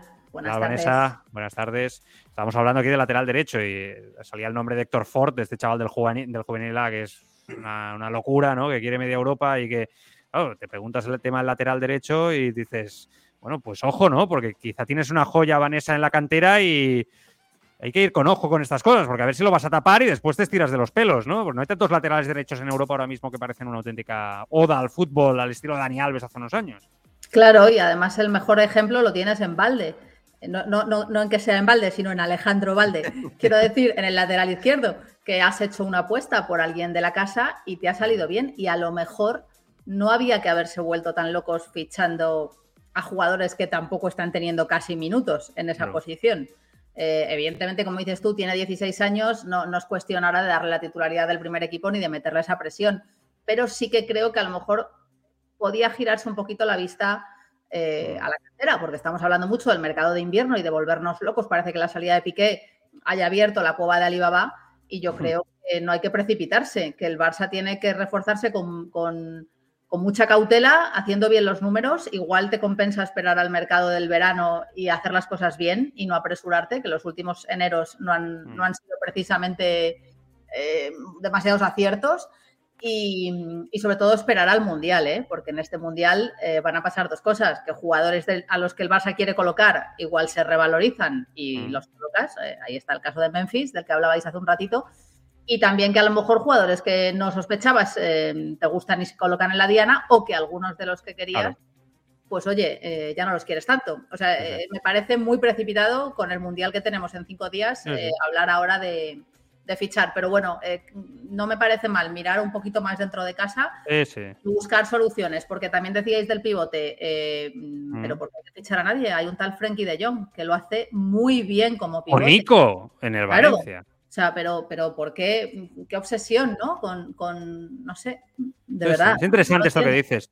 Eh, hombre, Adri, eh, es verdad que con Xavi, yo, a ver, no sé, eh, generalizar, pero quizá en el entorno se valoraba que iba a mirar un poquito más hacia abajo de lo que está haciendo. ¿no? Un poquito, quizá. Sí, quizá no es cuestión, como decía Vanessa, de, de meterle presión, ¿no? Directamente, venga, corriendo ahí a, a que salgan ya y a, que, y a ponerlos ya, pero sí que es verdad que quizá los pasos que hagas tienes que plantearte, ¿no? Hacia dónde vas. O sea, claro. quiero decir que si ahora Héctor Ford, porque estáis hablando ahora, o. Alejandro Valde en su día, sabes que está, pues fichar o no fichar en consecuencia de lo que quieres hacer. Entiendo que un chaval que está en etapa juvenil, creo que está en la división de honor ahora en juvenil, Sí, eh, que, que, se está saliendo y que puede acelerar procesos si todo va como tiene que ir, pues que él también piense en su futuro y diga, bueno, eh, a ver qué va a pasar, porque claro, ahora si te fichan a un lateral de, me lo invento, ¿eh? 22 años en el primer equipo, ya tú dices, está la cosa complicada para que yo el día de mañana llegue. Entonces creo que sí que hay que mirar un poco más la planificación a futuro, ¿no? O sea, ¿hace falta lateral derecho ahora? Bueno, pues, eh, pues, pues sí o no y, y, depende de qué edad y de qué momento en el que está en el que está en el Barça. Yo creo que hay que mirar mucho más a la cantera porque a la prueba me remito. Ya no hablo de la generación de Xavi, de Iniesta, de estas maravillas, sino de, bueno, el propio Valde que comentáis ahora. O sea, es que hay veces que no, no los ves y están. Están llegando. Vale, eh, ahora hablaremos de, de, Barça, porque es verdad que ahora ya, pues parón, ¿no? Un poco de relax todos, eh, pero hay muchos otros temas. Eh, pero sí que os quiero preguntar, os quiero sacar hoy un, un tema que, que, bueno, que llevamos dos días con informaciones que vuelven a poner a Piqué, Rubiales, un poco en el ojo del, huracán. Ayer no lo quise tocar porque, pero es un tema ya, yo creo que hemos ido trabajando mucho y son cafarragos, ¿no? Eh, pero, pero sí que es verdad que ahora la situación eh, hoy hay una nueva información y os quiero preguntar al respecto. Ayer El Mundo decía que Rubiales había creado un proyecto encubierto para pagar a Cosmos, que es la empresa de Piqué, 24 millones por la Supercopa. Estos son nuevos datos que hasta ahora no, no se sabían. En esta información, el diario también acusaba a la Real Federación Española de Fútbol y Arabia Saudita de intentar eh, cubrir ¿no? estos negocios de Rubiales con el exjugador ya del Fútbol Club Barcelona. Eh, la unidad de apoyo eh, de la IGAI y a, la Fiscalía Anticorrupción había elaborado un informe en el que se analiza el modus operandi por el cual la Federación pactaba el traslado de la competición fuera de España, mientras a la vez se acordaba este pago de 4 millones de comisión por edición a la empresa de, Gerard Piqué. Y según estas informaciones del mundo de ayer, la Fiscalía Anticorrupción estaría trabajando desde mayo, desde mayo pasado, en las eh, diligencias eh, por supuestas irregularidades en la gestión de Luis Rubiales al presidente de la, como presidente de la federación. Bueno, esto por una parte. Eh, el confidencial hoy avanza que la agencia tributaria, después de analizar los, eh, las cuentas de Cosmos, empresa de Gerard Piqué, ha detectado tres movimientos por valor de casi 3,4 millones de euros y exige más información. O, no sé si concuerda o no concuerda, bueno, esto se tendrá que ver, ¿no? Eh, transferencias investigadas que, que, se hizo hace poco después de percibir estas comisiones de Arabia Saudita para por intermediar el tema de la Supercopa. Según la agencia tributaria, Piqué ingresó casi 12 millones de euros procedentes de Sela Sport, es la compañía pública de Arabia Saudita, entre el 2019 y el 2021. Un dinero que, eh, según se apunta, llegó a través eh, de diferentes transferencias, un total de 8 a una cuenta de CaixaBank de la empresa Cosmos. A ver, eh, ya sé que es un tema que hasta que no haya, no se haya hablado, la justicia, lo que siempre decimos, un poco que se tiene que esperar, etcétera. Pero Adri, que está contigo, empiezo por ti y después voy con Vanessa. A ti esto cuando lo ves y después de la retirada de Gerard Piqué, ¿a ti te hace pensar, o sea, en, en algo? ¿Te hace pensar que vamos a tener problemas, que, que Gerard Piqué va a tener ciertos problemas, más allá de creo que lo que pensamos todos de la manera de trabajar de la Federación Española de Fútbol, de fútbol y el problema que hay ahora mismo con Luis Rubiales, su, su presidente, que creo que es algo evidente y que hoy ha hablado y ha, ha dicho que es una campaña contra él. Bueno, el discurso lo tiene este señor aprendido de memoria y, y no da más explicaciones al respecto. Pero hablando de Piqué, o sea, esta situación es que yo, yo creo que, eh, porque a mí me lo ha dicho, supongo a ti también, mucho culé, ¿no? Que, oye, se retira porque algo escondes, ha sido así de sí, golpe, sí. etcétera, ¿no? Y la gente la tira, pero al final, ostras, es muy fácil hablar, pero la sospecha la puedes tener, más, menos. No sé, ¿cómo lo ves? Os pregunto una opinión Yo muy general, ¿no? Cre creo que aprendí hace ya un tiempo a separar, por suerte, creo. Eh, al, al, Piqué jugador, al Piqué del Barça, al Piqué que todos wow, idolatramos y tal, y, y, a este, y a este Piqué, sobre todo desde que empezó a salir todos estos rollos ya no solamente esto, sino también el tema de cuando los audios, también que, que, parecen tonterías, que te lo puedes tomar a coña y tal, pero yo personalmente, y es mi opinión, también son cosas que, depende de qué conversaciones que se escuchaban y, y audios y tal, a mí no me, no, me, no, me, no me cuadraban mucho con la idea que yo tenía de Piqué. Entonces, uh -huh. creo que, que Piqué tendrá problemas, estoy totalmente seguro. Punto número uno, porque yo no, no entiendo de número ni de economía, ni, ni voy a, a fiscalizar a nadie, pero porque si cuando salen estas cosas, cuando salen tantas cosas y hay tanta, tanto ruido detrás tuyo en, en todos estos términos, normalmente acaba siempre en, en, algún escándalo o en algún tipo de juzgado o juicio o lo que sea.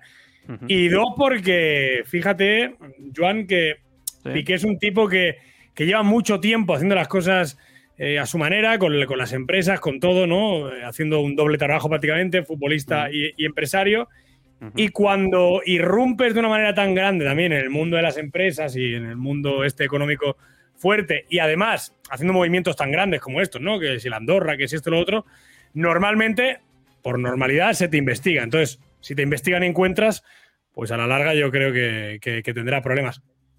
Agradezco que el Barça no, o sea, de verdad te lo digo. Separemos, bajo mi punto de vista, separemos al futbolista de la persona, cada uno como persona, pues ya sabrá lo que hace. Entonces, que juzguen al Gerard Piqué persona si lo tienen que juzgar, si no, no.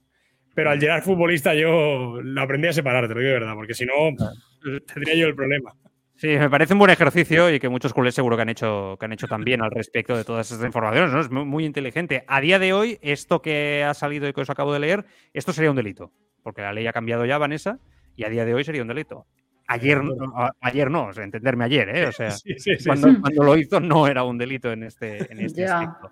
Es que empieza a oler mal, ¿no? Eh, no sé, yo, yo creo que es un tema lo suficientemente delicado y farragoso como que, al menos para mí, que no tengo ningún tipo de información a nivel fiscal, ni, ni, jurídica, ni mucho menos económica, como para atreverme a decir si esto es un delito o no, tendrán que ser los tribunales quienes lo juzguen, pero desde luego creo que lo tiene un poquito crudo por, por lo que sale hoy, esas transferencias, mm, la agencia tributaria eh, ahí metida. Eh, bueno, a, mí bien, eh, por lo que sea, ¿eh? pero bien no me, bien no me, no me no, no pinta.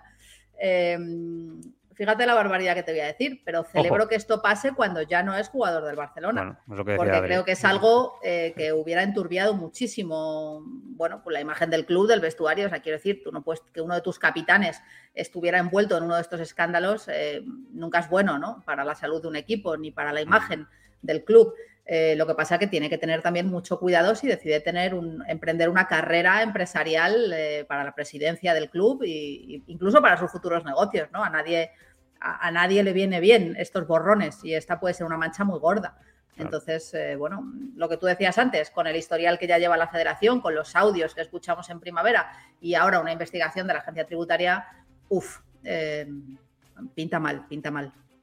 No pinta bien, ¿no? Y por eso os lo quería preguntar, porque yo creo que es un tema que se tiene que tener la valentía, ¿no? Para, para tocarlo desde el periodismo. Eh, y creo que a veces se intentan evitar estos temas por influencias, por, eh, ¿no? por el miedo a veces, ¿no? al fanatismo, ¿no? Porque hay mucho, hay, aficionados que no quieren escuchar que sus ídolos eh, no son perfectos, ¿no? Y que a veces se equivocan, que no digo que lo esté siendo, nosotros analizamos las informaciones del Confidencial y el Mundo, pero creo que cuando salen este, dos informaciones dos días seguidos, ¿no? Con esta trascendencia, es noticia, ¿no? Y se tiene que analizar con valentía.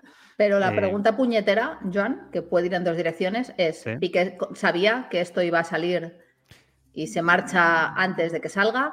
¿O como se ha ido el confidencial y el mundo lo sacan? Eh, quiero decir, es que me parece... ¿Cuál es el orden de las cosas? los tempos son, bueno, increíbles. Bueno, de hecho, de hecho, lo que decías tú antes, Joan, está tal cual. O sea, no solamente gente de aficionados, sino que hubo muchos compañeros que dijeron, casualidades o no, ¿eh? va a salir el tema de la ley del deporte. La ley del deporte, sí. y, justamente Piqué tiene. También te digo. No sé, es que eso eran 24 horas después, me parecía. a mí eso demasiado calculado, ¿no? Es hilar ahora ya y bueno, lucubrar, ¿eh? Aquí, pero el, el, vídeo despedida, o sea, si tú sabes que te vas a ir, lo que sea, vas a decirle un día, el vídeo despedida lo graba la noche anterior, o sea, a la una de la mañana, quiero decir. Que todo es corriendo y dices tú, no sé. A ver si se ha enterado que la ley sale ya y se ha puesto a grabar con el VHS. ¿eh? Claro, no sé, no sé hasta qué punto se ha ido corriendo o no. Sinceramente, en este mundo que vivimos, esto con Vanessa eternamente lo hemos hablado ya yo muchas veces, lo, lo, vemos capaz. O sea, yo, lo, yo veo capaz ya a todos líderes sociales en este mundo que vivimos, eh, donde ciertos personas, yo lo veo, yo veo capaz de todo, eh, según qué personas eh, ahora mismo, y sobre todo gente que mueve tantos millones, ¿no? o sea, creo que... O inclusive el propio Barça, Joan, que a lo mejor se enterara y le, y le, dijese, oye, Jerry, esto va a afectarnos, no sé, no sé, no sé. No, está claro que al Barça mucha gracia ya no lo hacía todo esto. No, no, por eso hablan con él ya en su, en su momento. Bueno, os cambio de tema. Eh, vamos a temas un poquito más eh, alegres. Tenemos competencia, ¿eh, Adri? Tenemos competencia. Tenemos competencia. Ojo que ha llegado. Hola a todos. Streamers del mundo, apartaros que voy cuesta abajo y sin frenos. Grabo este vídeo para anunciaros que me he hecho streamer. Bueno, no me he hecho streamer porque esto es un vídeo, todavía no he debutado. Pero mi intención es streamear a lo largo de, del tiempo que estemos en Qatar, en Doha. Llegamos el día 18 de madrugada, con lo cual creo que podré empezar a streamear ese mismo día. Es una idea que parte de una manera un poco descabellada, pero que entiendo que puede ser muy interesante y es simplemente la idea de establecer una relación directa con vosotros, aficionados eh, eh, a los que les puede interesar la información de la selección, contado desde un punto de vista particular, el mío y el de mi staff, y establecer una relación y una comunicación más directa, sin filtros, más espontánea, más natural y, y creo que lo suficientemente interesante para para todos. Eh, para empezar ya veis que solo puedo mejorar porque la luz de, este vídeo no es la adecuada, el micro es de tercera división, la caripela es la que hay y solo puedo mejorar. Y poco más, eh, con muchas ganas ya de vivir lo que es el ambiente de un mundial, la presión de un mundial y de tener esa comunicación vosotros. Os mando un saludo y adiós, hasta pronto. Me encanta. Maravilla. Es un A mí me fenómeno. Yo recomendé fenómeno. en Twitter ayer que todo el mundo viva así, haciendo en cada momento lo que le apetece. A ver, evidentemente sin ofender a los demás en la vida, ¿no? Pero, pero entenderme, intentar no molestar, pero, pero que si te apetece, te quites los prejuicios de encima y pa'lante. O sea, y, y yo creo que es un Lo que ejemplo. pasa es que tú crees que esto ha salido de Luis Enrique. O sea, es que yo todavía no tengo muy claro los términos del asunto. No sé si es, Pero una, da idea de igual. la, es una idea de la federación que le sugiere que Mm. tenga una imagen más amable con la afición y establezca una serie de diálogos. La prensa seguro que no. Claro, porque, en fin, con el cariño que nos tiene, tampoco tengo muy claro la periodicidad del asunto. Mm. Eh, esto va a ser cuando le apetezca, se van a fijar una serie de días, lo va a hacer gane o pierda. Pero a ver eh, una cosa, Vanessa. vengan críticas o no. Vale, Claro, pero a ver no una cosa. mismo. Te viene el director de comunicación de la federación y eres Luis Enrique, conociendo a Luis Enrique, y le decimos, "Ya hemos pensado que seas ahora streamer. O sea, si a Luis Enrique no le apetece, lo manda, entenderme, eh, a la mierda. O sea, Bueno, porque es así. pero- o no, o a lo Es mejor hay una serie de compromisos ahí, a lo mejor en la siguiente, Ah, no sé. cua- cuando de verdad lo haga, hay, hay detrás un cartelón con una publi. Quiero decir, Ah, es que no lo qué sé. sé. No lo sé. No sé. A ti te viene el de prensa, igual que te dice que estás obligado a unas ruedas de prensa antes y después de los partidos, vaya usted a saber, eh, porque, no sé, a, a mí a Luis Enrique, que no le veo muy amigo de este tipo de, de cosas y que sabe positivamente que los aficionados le pueden decir lo estás haciendo increíble o, o- o- o- o qué malo es Morata. Quizá es la Claro, pues- obsesión que tiene por eh, los periodistas a un nivel. ¿Y qué se cree? ¿Que lo- los lo periodistas no van a entrar ahí como un aficionado A más a hacer una pregunta? Pues es Sí, que pero es diferente, no. Vanessa. Es Yo diferente. cuando, sí. cuando hago yo un streaming, eh, yo leo a, quien me da la gana y a quien no me da la gana no lo leo ni le Bueno, contesto pero ni a nada. ver, Entonces, tú te pones, eh, tú no vas tú a poner a Adrián Sánchez, pones Perito el de los palotes, que Luis Enrique no sabe si tú eres un periodista o un Claro, pero, pero él ya lee la pregunta y dice, pues no la respondo. Pero Claro. perdona, yo no creo que sea un problema, ni mucho menos para, para los periodistas. Yo creo que el peri- No, no, que va, me da igual. los periodistas vamos, va- vamos a seguir viendo las ruedas de prensa, porque como decía Vanessa, es, obligatorio, ¿no? Eh, Con los medios Claro. oficiales, las entrevistas también obligatorias. A mí Sí. me parece algo complementario y, de, y sinceramente. Pero ojo con esto, Carlos, ¿eh? Vamos a agradecer durante el Mundial, porque Para Sí. mí lo Vale, fácil... Yo se lo agradezco si lo hace siempre. Lo que no vale es empezar a mí me y da si luego pierdo desaparezco No, o no ponerme mohino. pero yo, no- yo- yo Pero creo que- yo creo que con esto consigue eh, que si tiene que hacer alguna aclaración sobre una malinterpretación sin filtros, va a abrir el Joan. Twitch y va a decir pa, pa, pa, Exacto. pa. Es muy fácil. Pues, pero ¿y eso no lo puede La hacer frase es? Sin ver, filtros no, no. y sin intermediarios. Ya está. O sea, Luis Enrique va a abrir Twitch como cuando abro yo Twitch, cuando me apetece, Sí, o cuando le apetezca a él para contar que le apetezca. Entonces, aparte de todo lo que tiene que hacer por, por, por contrato, por lo que quiera, por, por compromiso, él va a tener una manera de, si hay alguna polémica, alguna historia, alguna filtración, no es que Morata, me lo invento, ¿eh? se ha peleado con Ferran. Abre Twitch y dice, mentira esto absolutamente, ya está, y se quedan Pero ¿y eso tranquilos. no lo hacen rueda de prensa ya, como si no le pero- preguntasen. Es diferente. Claro, porque es- Pero si él, él- cuando él habla de filtros, yo creo que él se refiere a lo que luego titulan eh, los periódicos o lo, lo que No, luego deciden. yo no creo que sea eso. Pero vamos a ver qué filtro hay en una rueda de prensa entonces.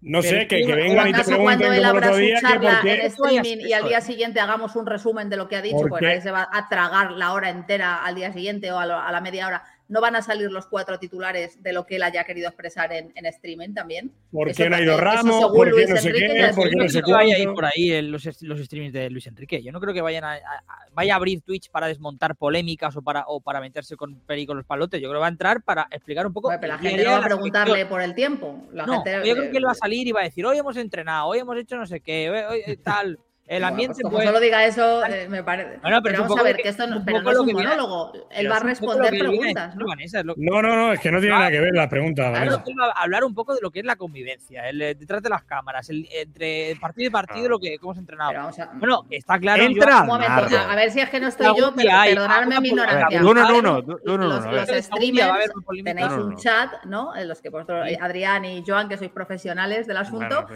eh, la gente os yo. pregunta y os habla, lo ponéis así Sí. en modo más lentito, ¿no? Los que tenéis tanto que no da tiempo a leerse, y tú le contestas efectivamente, como dice Adri, de un modo medianamente aleatorio. Si quieres. Yo, yo hago Pero- streaming entonces- sin contestar a nadie. Yo hago streaming para explicar cosas, para hablar de una película, para es, hablar de. eh, a lo presidente, me pongo ahí durante Claro, una hora es- un monólogo. Es que eso es lo Ah, gracioso sí. del streaming. Los streamings de Ibai, por ejemplo, Ibai no contesta a nadie del chat, a nadie. Es- No. Pero él Y es el streamer más grande que hay y no responde ni un, ni un mensaje Ibai. A No. nadie. Tiene que responder, Luis Enrique lo va a responder en rueda de prensa y, y a- ante la prensa. Que es lo. Es que Claro. un ¿Por qué streaming no es una conversación, un esto streaming es. para comunicarme con, lo- con la afición. Un Sin streaming filtros. es yo delante de una cámara explicándote lo que yo quiero explicarte. Tú me puedes conte- escribir Ah, y yo puedo responderte si me apetece, pero no, el streaming no es una conversación, ¿eh? O sea, por, decirlo, por decirlo, no es lo que hace Pique.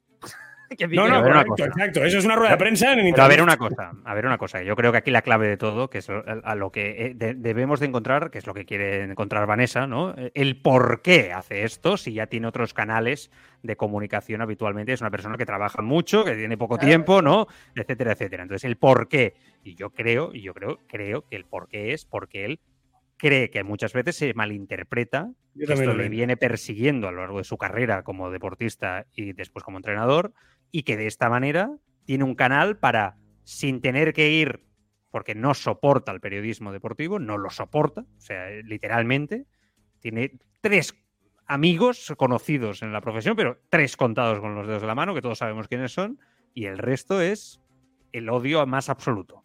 Entonces, el que este me malinterpreta, ah, pongo el chiringuito porque es el primero que me viene a la cabeza. Porque normalmente son los más polémicos, ¿no? Y el otro día le hicieron una pregunta que tela.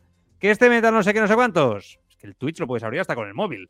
Estoy Sí, aquí sí, con lo que te dé la gana, Joan. Oye, ¿qué pasa? Tal, oye, esto es del chiringuito, que dice que no sé qué. Mira, pues no, no, gente no, más no. clara, y más sincera y más te digo. directa que Luis Enrique delante de un micrófono.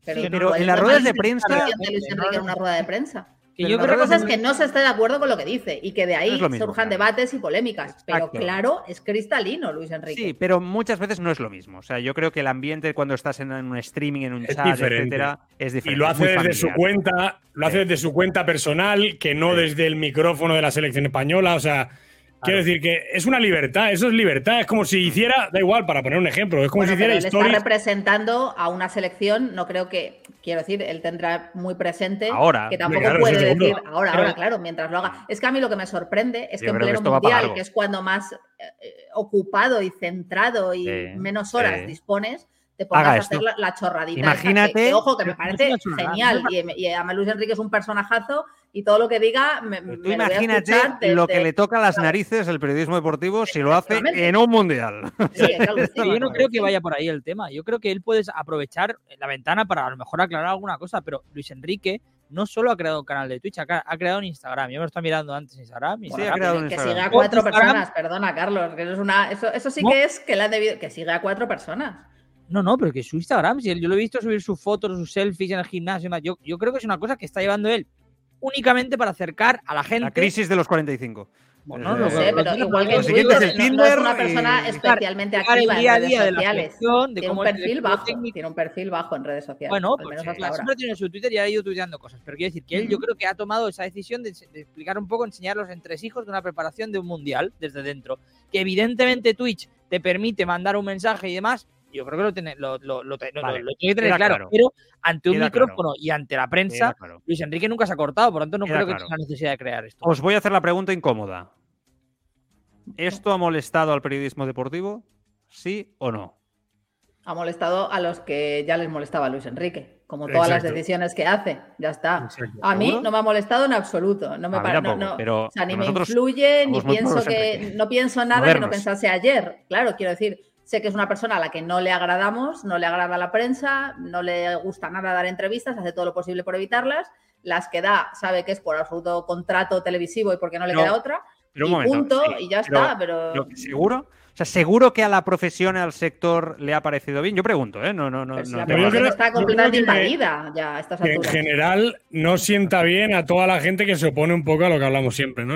Sobre Ya, todo en la eso, ventana en la que yo trabajo habitualmente, que, Sí, eso, eso. que es el cambio, ¿no? O sea, te puedes ver lo de Luis Enrique como lo que quieras, y, pero también es un adelanto, ¿no? Y puede ser referencia. ¿Quién te dice que de aquí 10 años esto no lo hacen todos los entrenadores? No lo sé. Claro. La cuestión es que la cosa ha cambiado y hay gente que se adapta y otra gente que no. Entonces, los que no eh, se adaptan, evidentemente, pues dirán que, que les quita el pan o lo que le han dicho siempre con la gente, por ejemplo, que, que se dedica a hacer lo que hago yo también, ¿no? Entonces, es la Vale. pelea de siempre, Joan. Habrá quien le moleste mucho y habrá gente que lo ve como una herramienta más de comunicación. Mm, Pero si Yo es que he flipado, más, ¿eh? Es más munición, pero, bueno. no, no, yo. Claro, a mí me parece bueno. una buena noticia, de hecho, insisto, Sí. porque como, como dice Vanessa, Más material que vas a No vamos tener. a Para tener- vosotros no- sí. no vamos pero a tener, no vamos a sí. tener más entrevistas porque no las va a dar, así que quiero decir Para que vosotros sí. Y para mí también. Pero, pero pero- yo pregunto en general, porque ya sabemos No, cómo va esto. vale, y yo he pero- flipado con alguna opinión en las últimas horas después de esto. He flipado con alguna tertulia que he no, escuchado tal. me ha Con esas opiniones, eh, en esas opiniones coincide que además el que se haya quejado es especialmente a veces no. anti Luis Enriquista, porque No. ya es que tienes el combo perfecto, claro. Sí, sí. Cualquier excusa Pues es como buena mírale para haciendo, pues como cuando montaba en patinete, como cuando sale con el walkie, da igual. Lo que hay que fijarse, claro, lo que hay que fijarse es en, en las declaraciones que han hecho en las últimas 48 horas sus jugadores y sus exjugadores de equipos muerte, y de ¿no? selección diciendo que si les pide que se tire por un balcón, se tiran. Mm. Eso dice bastante más de un seleccionador que, bueno, que lo que nos parezca que se dedique o no al streaming, que vamos a ver cuántas horas le dedica cuando esté ahí en plena Se competición. hace que gamer, yo- yo ya fan. ¿eh? Ojalá. Se hace gamer fan, ¿eh? que Bueno, me eh, parece con el sillón ahí como, como está ahora mismo Adri, con todo preparadísimo, yo me descubro ya y, Ojalá. y alucino. Vaya crack, eh, Luis Enrique. Bueno, a ver, eh, Araujo, volando literalmente en el primer entrenamiento con Uruguay. Eh, estamos viendo imágenes eh, en Twitch y en YouTube. Eh, a mí, yo estoy flipando, ¿eh? O sea, realmente estoy flipando. O sea, este jugador se le daba plazos de recuperación mm, para estar al 100%, empezar a entrenar a mediados de enero, pasado Navidad, un poquito es el primer diagnóstico que se decía. Eh, se podía cortar a diciembre, ¿eh? a mediados de diciembre, si la cosa iba muy bien, etcétera. Estamos, que mi- mitad de noviembre, ¿no? Estamos eh, mitad de noviembre. Este jugador está manteniendo el ritmo a un entrenamiento de élite en un mundial con Uruguay, que seguramente es una de las selecciones más exigentes ¿no? en ese aspecto, y, y está perfecto. Está perfecto. O sea, no, no, no, no, no, no está ent- entrando en dinámica, no, no. Está entrenando al 100% con sus compañeros. Con un, con un- supervisado por un médico del Barça en todo momento. Ya, también, sí, ¿eh? también pero- hay que decirlo. En el Barça están rezando, tienen la, la moreneta, no, No le caben más velas. Y No claro, es, es- es un tema delicado. No es un caso un Titi, porque es cierto que el jugador No, eh, a- a- aceptó operarse, aceptó los consejos Sí. médicos del club y dijo que hacía lo mejor por, por él mismo, por su propia salud y por su futuro, que obviamente iba a intentar llegar al Mundial por todas las fuerzas posibles, pero que, que, que- que él pensaba a largo plazo y pensaba en su temporada con el Barça también. bueno, Ahora, bueno, no tanto. es que No tanto, o sea, a ver, no tanto. ver, bueno, Eh, Joan, también vamos a entender claro, que si no el tanto. jugador se ve bien y si está ahí entrenando y trotando, yo quiero pensar que tanto los servicios médicos de Uruguay como los del Barça han dado un ok. Seguro. Pero tú sabes igual no- que yo que los jugadores cuando apretan, apretan mucho, ¿eh? Y que hoy en día son estrellas a un nivel que, bueno, eh, y no sería el primero que te pone en una situación. Él agra- agradeció en redes sociales al Fútbol Club Barcelona, ¿eh? Sí, De sí. Que, eh, claro. eh, ahí ha habido debate, ¿eh? O sea, ahí ha habido debate, pero el Barça ha cedido. Que yo digo, oye, que, que si no se lesiona, pues seguramente ese tema no pasará absolutamente nada. Pero como llegue renqueante, con una lesión muscular, como no esté bien en el tramo final de la temporada, nos vamos a acordar de esto, ¿eh, Adri? Sí, claro, claro. Pero, pero en principio, según yo tengo entendido, no va a jugar o no va a disputar minutos en la fase de grupos o no es la idea, ¿no? Porque Viéndolo, en principio, claro, es la idea, la idea principal. Yo también soy de los que piensan que sobre todo en un mundial, sobre todo la gente de, ¿no? de Sudamérica, de Latinoamérica, toda esta gente que, que, que es apasionada Mm. al máximo con sus selecciones, como lo es Araujo, creo que forzar van a forzar siempre. También te digo que yo me cojo mucho a, a lo que yo veo de Araujo, lo que me, me- me da a entender a mi Araujo, que es un tipo que tiene la Muy cabeza muy bien amueblada Sí. y que no va a pensar como un Titi, ah, mira, juego el Mundial y luego ya, pues mira, lo que venga. Yo creo que Araujo piensa más allá. Es mi sensación de lo que me transmite. ¿eh? Lo- yo veo a Araujo y digo, eso es un tío con cabeza, ¿no? O sea, que si se siente que no va a estar, yo creo que no va a arriesgar como si lo hizo un Titi que le dio exactamente Claro, igual todo. Sí, Igual. sí que es cierto acuerdo, que no, que no parece un alocado, pero ostras. eh, milagro Sí, no es miedo verdad da, que creo que todos los culés van a tener el corazón encogido durante todo el mundial cada vez que vean a Uruguay. ¿Y Carlos? No, que digo que, que yo estoy de acuerdo con lo que decís, pero siendo sincero, o sea, los milagros no existen. Joan decía, como mucho, como muy pronto, muy pronto, muy pronto, mediados de diciembre, Eso es lo que decían. mediados de noviembre. Yo, yo no creo en los milagros y no es la primera vez que vemos a un jugador, yo no digo arriesgar, sí, en cierta manera, sino someterse Eso seguro, vamos. a un tratamiento, pues, digamos... Pero si no juega toda la fase de grupos, pero, pero si no es, no milagro, es que tampoco ningún, ninguna predicción médica es tajante. Siempre Pero- las previsiones pero- son, pero los plazos son aproximados. Ya, pero es que de aquí a dos meses, en una lesión tan grave, me, me parece un milagro, realmente, ¿no? Que, que esté corriendo. Yo lo hemos visto anteriormente con otros jugadores, ¿no? Que han recurrido a tratamientos quizá algo más experimentales para, para poder disputar partidos a los que no llegaban, ¿no? Por plazos. Y sinceramente, no me cabe otra explicación, porque es que es un milagro, lo que ha puesto yo antes, es un milagro. Ver si a Araujo Yo- ahora- Yo es que estoy flipando. Yo hablaré de milagro cuando lo vea jugar, ¿eh? también te digo. ¿Qué es lo que Bueno, te digo? después Que de ver a, a Nadal ganar a Australia sin pie y, y Roland Garros sin prepararse, pues a mí los plazos médicos y las previsiones, chicos, me parece que Milagro el de final- Memphis. Ese sí que fue así un milagro, Joan, que ha llegado a, sí. a Esto- Holanda y como un tiro. Eh, pero como un tiro, ¿eh? como un cohete. Claro, Sí. Es alucinante, ¿eh? O sea, Pero ves, realmente- ves lo que decimos, es un caso radicalmente distinto. A uno Sí, le puedes decir que- que es un jeta tranquilamente y yo de Araujo no tengo esa percepción. Igual a finales de diciembre o cuando venga en enero y a la primer, al primer Ese- minuto ese es el tema, ahí es el día. os tengo que decir, bueno, pues mira, se ha equivocado Araujo, efectivamente, no- nos la ha colado. Pero ahora mismo a mí no hay nada o no ha habido nada en la trayectoria profesional de Araujo que me haga pensar No. que es un jugador no profesional y que no esté pensando en el Barça. Obviamente también quiere jugar con Uruguay y también lo entiendo y quiero que todo el mundo lo tiene que comprender. Para eso hay una persona del club que lo, lo supervisará y que tendrá que hacerse fuerte si ve que no están las condiciones adecuadas. Vale. Eh, os voy poniendo cortes ya para ir acabando y lo vamos comentando, que hay, hay diferentes situaciones. Eh, Messi hablando con la Betsy para Comenbol eh, sobre si es su último mundial y que, ojo el titular, eh, que no le queda mucho para seguir jugando en el fútbol. Jugar Leo Messi hoy.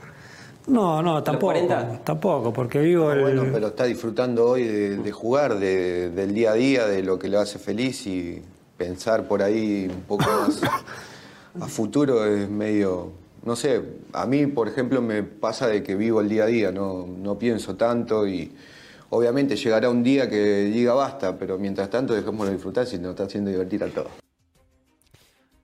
No sé, no era el corte bueno y aquí se oye más a la Betsy que otra cosa, ¿no? Diciendo, diciendo más la Beche que Messi. Messi dice Eh, sí, tampoco, sí, tampoco. a- a- este no, no lo corté. Lo que dice es que no cree que juegue mucho, ¿no, Adri? Ha dicho, yo no creo mucho Sí, más sí. allá, ¿no? Ha dicho, literalmente. Tal cual, tal cual. Bueno, yo creo que estamos viviendo una etapa de, de final de, de carrera de, de Leo Messi, una etapa dulce que yo creo que ha reconducido mucho su, su relación con Argentina, que creo que también para él ha sido Mm. un, un buen momento y, y necesaria antes de cerrar un poco su etapa futbolística. Y a- mira, a colación de lo que decíamos antes de Araujo y eso, ¿no? Yo creo que Messi se está preparando para, para su mundial. Creo que este es su mundial y, y después del mundial, él entonces sí verá la energía que le queda o las ganas que le quedan para motivarse o, ¿Pero o tú no. qué crees que va a hacer? O sea, si gana el Mundial y acaba, no sé, imagínate que gana el Mundial la Champions con el PSG. Ahora me voy a poner en el mejor escenario para, para Leo Messi. Yo, sinceramente, lo digo porque de cara a un retorno del Barça, ¿no? Yo creo que Messi es capaz de retirarse. Lo- Yo creo sea, que Messi, no lo veo eh, si, gan- si gana el Mundial, o da igual lo que gane con el PSG, creo que si gana el Mundial va a bajarle la libido bastante. Yo, yo soy de los que piensa que, que no va a volver y que, y que va a ir hasta a Estados Unidos seguro a, pues, a acabar ahí un par de años, quizá, no sé. Creo que va más por lo de Argentina que por que el tema Champions League o, o títulos personales. ¿eh? Creo que él es- está obsesionado con, con el Mundial y, y hacer un muy buen papel con Argentina. Mm, ¿Qué, Vanessa? Yo, pues mira, es que de lo de volver o no, eh, no, no me voy a tirar aquí yo ningún folio, porque Ah, confieso, o sea, quiero decirte, confieso mi, mi- mi ignorancia absoluta, porque eh, hay semanas que me dan informaciones de que, de que sí, y, de que es una ilusión contrario. y de que la porta, Mm. tal, cerramos la espina, no sé cuál, y semanas que me dicen que vamos, que es que ni de broma, que es que mientras esté ahí la porta, Messi no se lo plantea. Entonces, como de eso, eh, francamente, no sé qué pensar, tampoco tengo claro que, que ganar el Mundial le influya en esa decisión o no. Lo que sí creo es que es su auténtica obsesión y que él se ha preparado esta temporada muy en serio para, para ahora, para diciembre, para este Mundial. Eh, y, que, y que de verdad ve que por primera vez puede estar ahí, ¿vale? O sea, él ve el grupo, ve la selección y supongo que lo habéis visto eh, ayer con Valdano, eh, Sí. tiene, una, tiene una madurez que a mí es lo que, lo que más eh, saco yo de toda la entrevista, de esa charla de una hora, es la, la calma con la que Messi echa la vista atrás ahora Bueno, y habla de cosas... Hacerse eh, mayor es eso. Eh, sí, ta- tal, cual, tal cual. Pero cómo reconoce cosas que le costaron. Eh, Desde aquí mandamos un abrazo también a todos los que nos llamaron de todo a la prensa por destapar el follón que había eh, cuando se tiraban los trastos a la cabeza Luis Enrique y Messi, éramos Mm. unos mentirosos, como Xavi tuvo que templar ahí ga- gaitas y tal entre ellos. Mm. Bueno, pues está muy bien que con 36 años o 35 Messi venga y lo reconozca. Eh, pues mira, sí, estuvimos un tiempito, un tiempito. Fíjate que María Cuatro meses y con medio. la, ¿no? con- con la madurez, eh, cómo se du- dulcifica y, y cómo hablas de Guardiola, ese del que nunca hablo mal, pero ese del que acabaron hartos porque Mm. no les dejaba pensar en otra cosa que no fuera fútbol 24 horas y cómo cuando pasa el tiempo dices, joder, bendito A mí, Guardiola. me, a mí pasa, Vanessa, con alguna relación que he tenido que con el tiempo las veo ¿Verdad? y digo, es que digo, ya no lo veo. en ese momento estaba muy agobiado, ¿sabes? Y ahora lo veo y digo, ya no es tan grave. Ay, ¿sabes? ahí sí No estaba tan mal, si no estaba tan mal. no estaba tampoco. tan mal. ¿no? Y después he tenido otras relaciones y pienso, joder, sí, eh, ahora Ah. es verdad, era mejor aquella. Después hubo muchos Guardiolas, ¿no? Para ti también, sí, pues,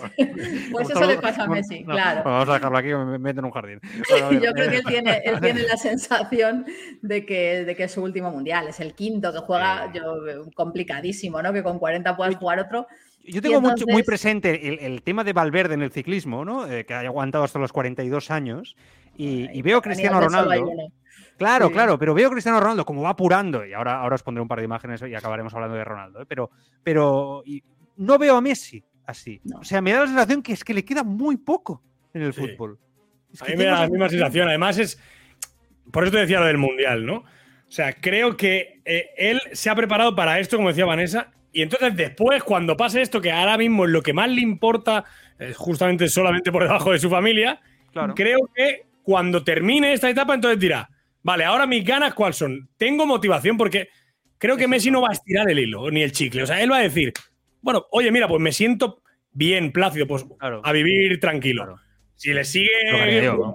algo, porque es verdad que, que estirar el chicle, yo es que no lo veo ra- arrastrándose, no lo veo a Messi así, de verdad. No, también yo creo que puede influir mucho, Tampoco. no solo cómo se ve a él físicamente, sino cómo, cómo te vaya la cosa la- en la temporada, ¿no? Si tú acabas en París regular, si no ganas nada, si estás en una buena onda, Claro, si claro, la claro. relación con Mbappé realmente es como dicen que es, mm, si él se encuentra a gusto en la ciudad, si los críos quieren No continuar. aguantar tonterías al final, ¿no? Yo creo que se Exacto, reduce porque yo todo creo a que él mismo no tiene muy claro mm, cómo, cómo pitar, ¿no? De hecho, el Baraja, él llega a decir ayer mismo otra vez, ¿no? Pues antes pensaba que acabaría en Argentina, Sí. ahora creo que no, porque Rosario, una vez que tienes hijos, no te parece un sitio tan seguro. Alguna vez he pensado que iría a Estados Unidos, pero otras veces piensas, pues igual quieres acabar tu carrera en clubes europeos por todo lo alto Mm. y tampoco Messi necesita dinero, ¿no? Otras veces piensas en volver a casa y piensas si es la mejor decisión volver a Barcelona o no, a jugar, digo, no a vivir. O sea, quiero decir, creo que él mismo no lo tiene claro a, a noviembre de 2022 y siempre ha dicho además que la decisión que tome de su futuro va a ser después del Mundial. Claro. Así que lo ha dicho muy claramente. Un par de imágenes que para los que estáis escuchando la radio, pues evidentemente no las vais a poder ver. eh, los de YouTube y de Twitch sí. Eh, primero, Cristiano Ronaldo entrando en el vestuario. Bruno Fernández, eh, el vestuario de Portugal para de cara al Mundial. Eh, le da la mano a Ronaldo. eh, Bruno Fernández, compañero suyo en el United. Que le dirá así, como, vale, sí, después de rajar, ¿no? Eh, y después, eh, en el entrenamiento ya con Joe Cancelo, eh, jugador del Manchester City, el lateral. Eh, Ronaldo se acerca, le coge de la cara y no se le hace una broma no sé qué. Y Cancelo, pues, no sé, literalmente eh, le saca las manos, ¿no? ni me hables, ¿no? Parece que le dice y, y- y muy mal rollo, ¿no? Y Ronaldo muy solo. Y, y os pregunto, no sé si Vanessa, justo. Porque... Fiestón, ¿eh? El vestuario de Portugal. no, no. Pero a mí, a mí sinceramente, no, no. O sea, yo, yo no defiendo, defiendo mucho a Cristiano Ronaldo habitualmente. no- de hecho, no me he caracterizado en mi carrera por ello, pero es, es cierto que en esas declaraciones, que puedo entender que son equivocadas, sí que es verdad que hay alguna manifestación de ámbito personal que me parecen muy graves que un jugador diga que un club no le ha apoyado en según qué aspectos, por ejemplo, el de su hija, etcétera, ¿no? Y creo que eso ha pasado muy desapercibido en el entorno del mundo del fútbol en general. Y, y creo que que una persona se queje de ello eh, quizá es más noticia incluso que el hecho de que Cristiano raje de un entrenador, que es algo que, pues, no sé, me entra hasta dentro de lo, de lo normal, porque es un personaje que, que siempre se ha creído que está por encima del bien y del, y Ya, del lo que mal. pasa ¿no? es que Y las los compañeros formas- reaccionen así, ya, ya, ya, si no lo han defiendo, ¿eh? sido muy malas. No, no Pero- ahora, ¿eh? Pero los Es que no sabe irse de, ningún así, sitio, Joan. Sí, yo creo sí, que hay un sí, cierto hartazgo compro, ya en el mundo del fútbol. Y es O cierto. sea, ¿eh? la que- gente, ¿tú, que- cre- tú crees que los compañeros de Portugal no lo soportan? O sea, esto sería un poco la. Pero a mí, a mí estas Bueno, yo imágenes creo que, me que- ¿eh? que- que quizá están un poco cansados de, de esta eterna exigencia de Cristiano que, como decimos, está llegando al final obvio y natural y Mm. evidente de su carrera por, por- por edad, por propio paso del tiempo. Sí, sí. Y bueno, pues, pues, pues tal vez también hay cosas ahí dentro en la selección que vamos a conocer después, pero del mismo modo que él llega al Manchester United creyendo que se le va a dar un estatus Mm. como el cristiano de hace 15 años y no lo encuentra.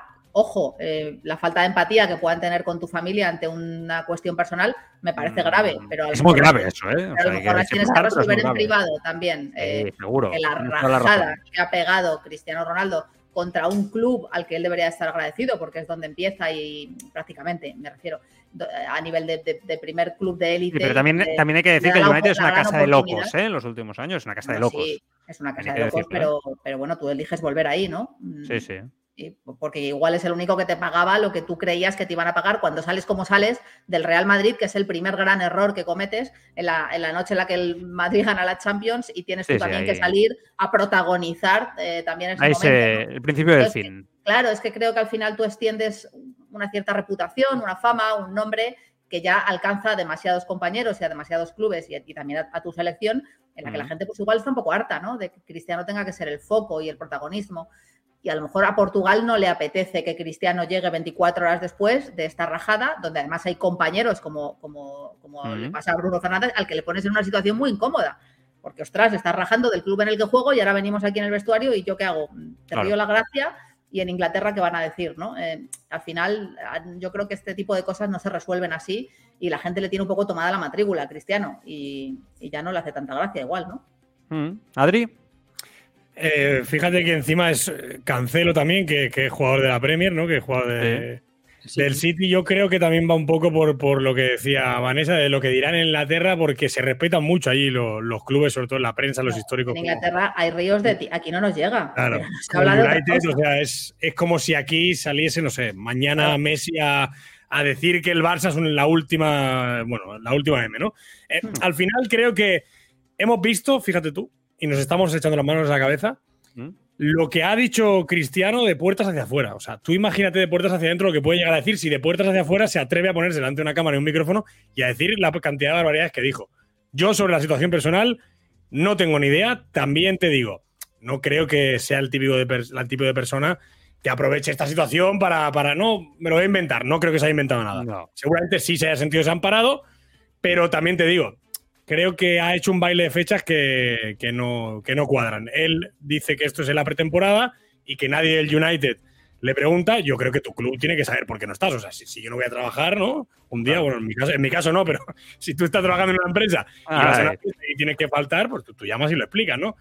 Te puede faltar soporte, lo que sea, pero de ahí a que tú de puertas hacia afuera. En mi casa siempre se ha dicho que ¿eh? la, la- la caca se, se limpia en casa, no, Sí. no fuera. Esto para mí es, una vez más, decir, yo estoy por encima de todo el mundo y como estoy por encima de todo el mundo, voy a decir lo que me dé la gana.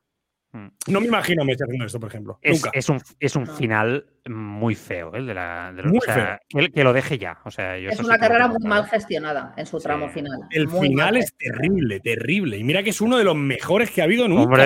pero es que- una cosa, con Fíjate, uniéndolo a lo de Messi, yo creo ¿eh? que es que Messi ve, ve lo que pasa con Cristiano y, y pone las orejitas así de punta y dice, ostras, cuidado, ¿eh? Bueno, sí. la Es otro carácter, pero sí, pero tiene Otro razón. carácter, pero me refiero que, te- que es un buen espejo para saber Mm. cómo no tienes que hacer las cosas. Yo sí.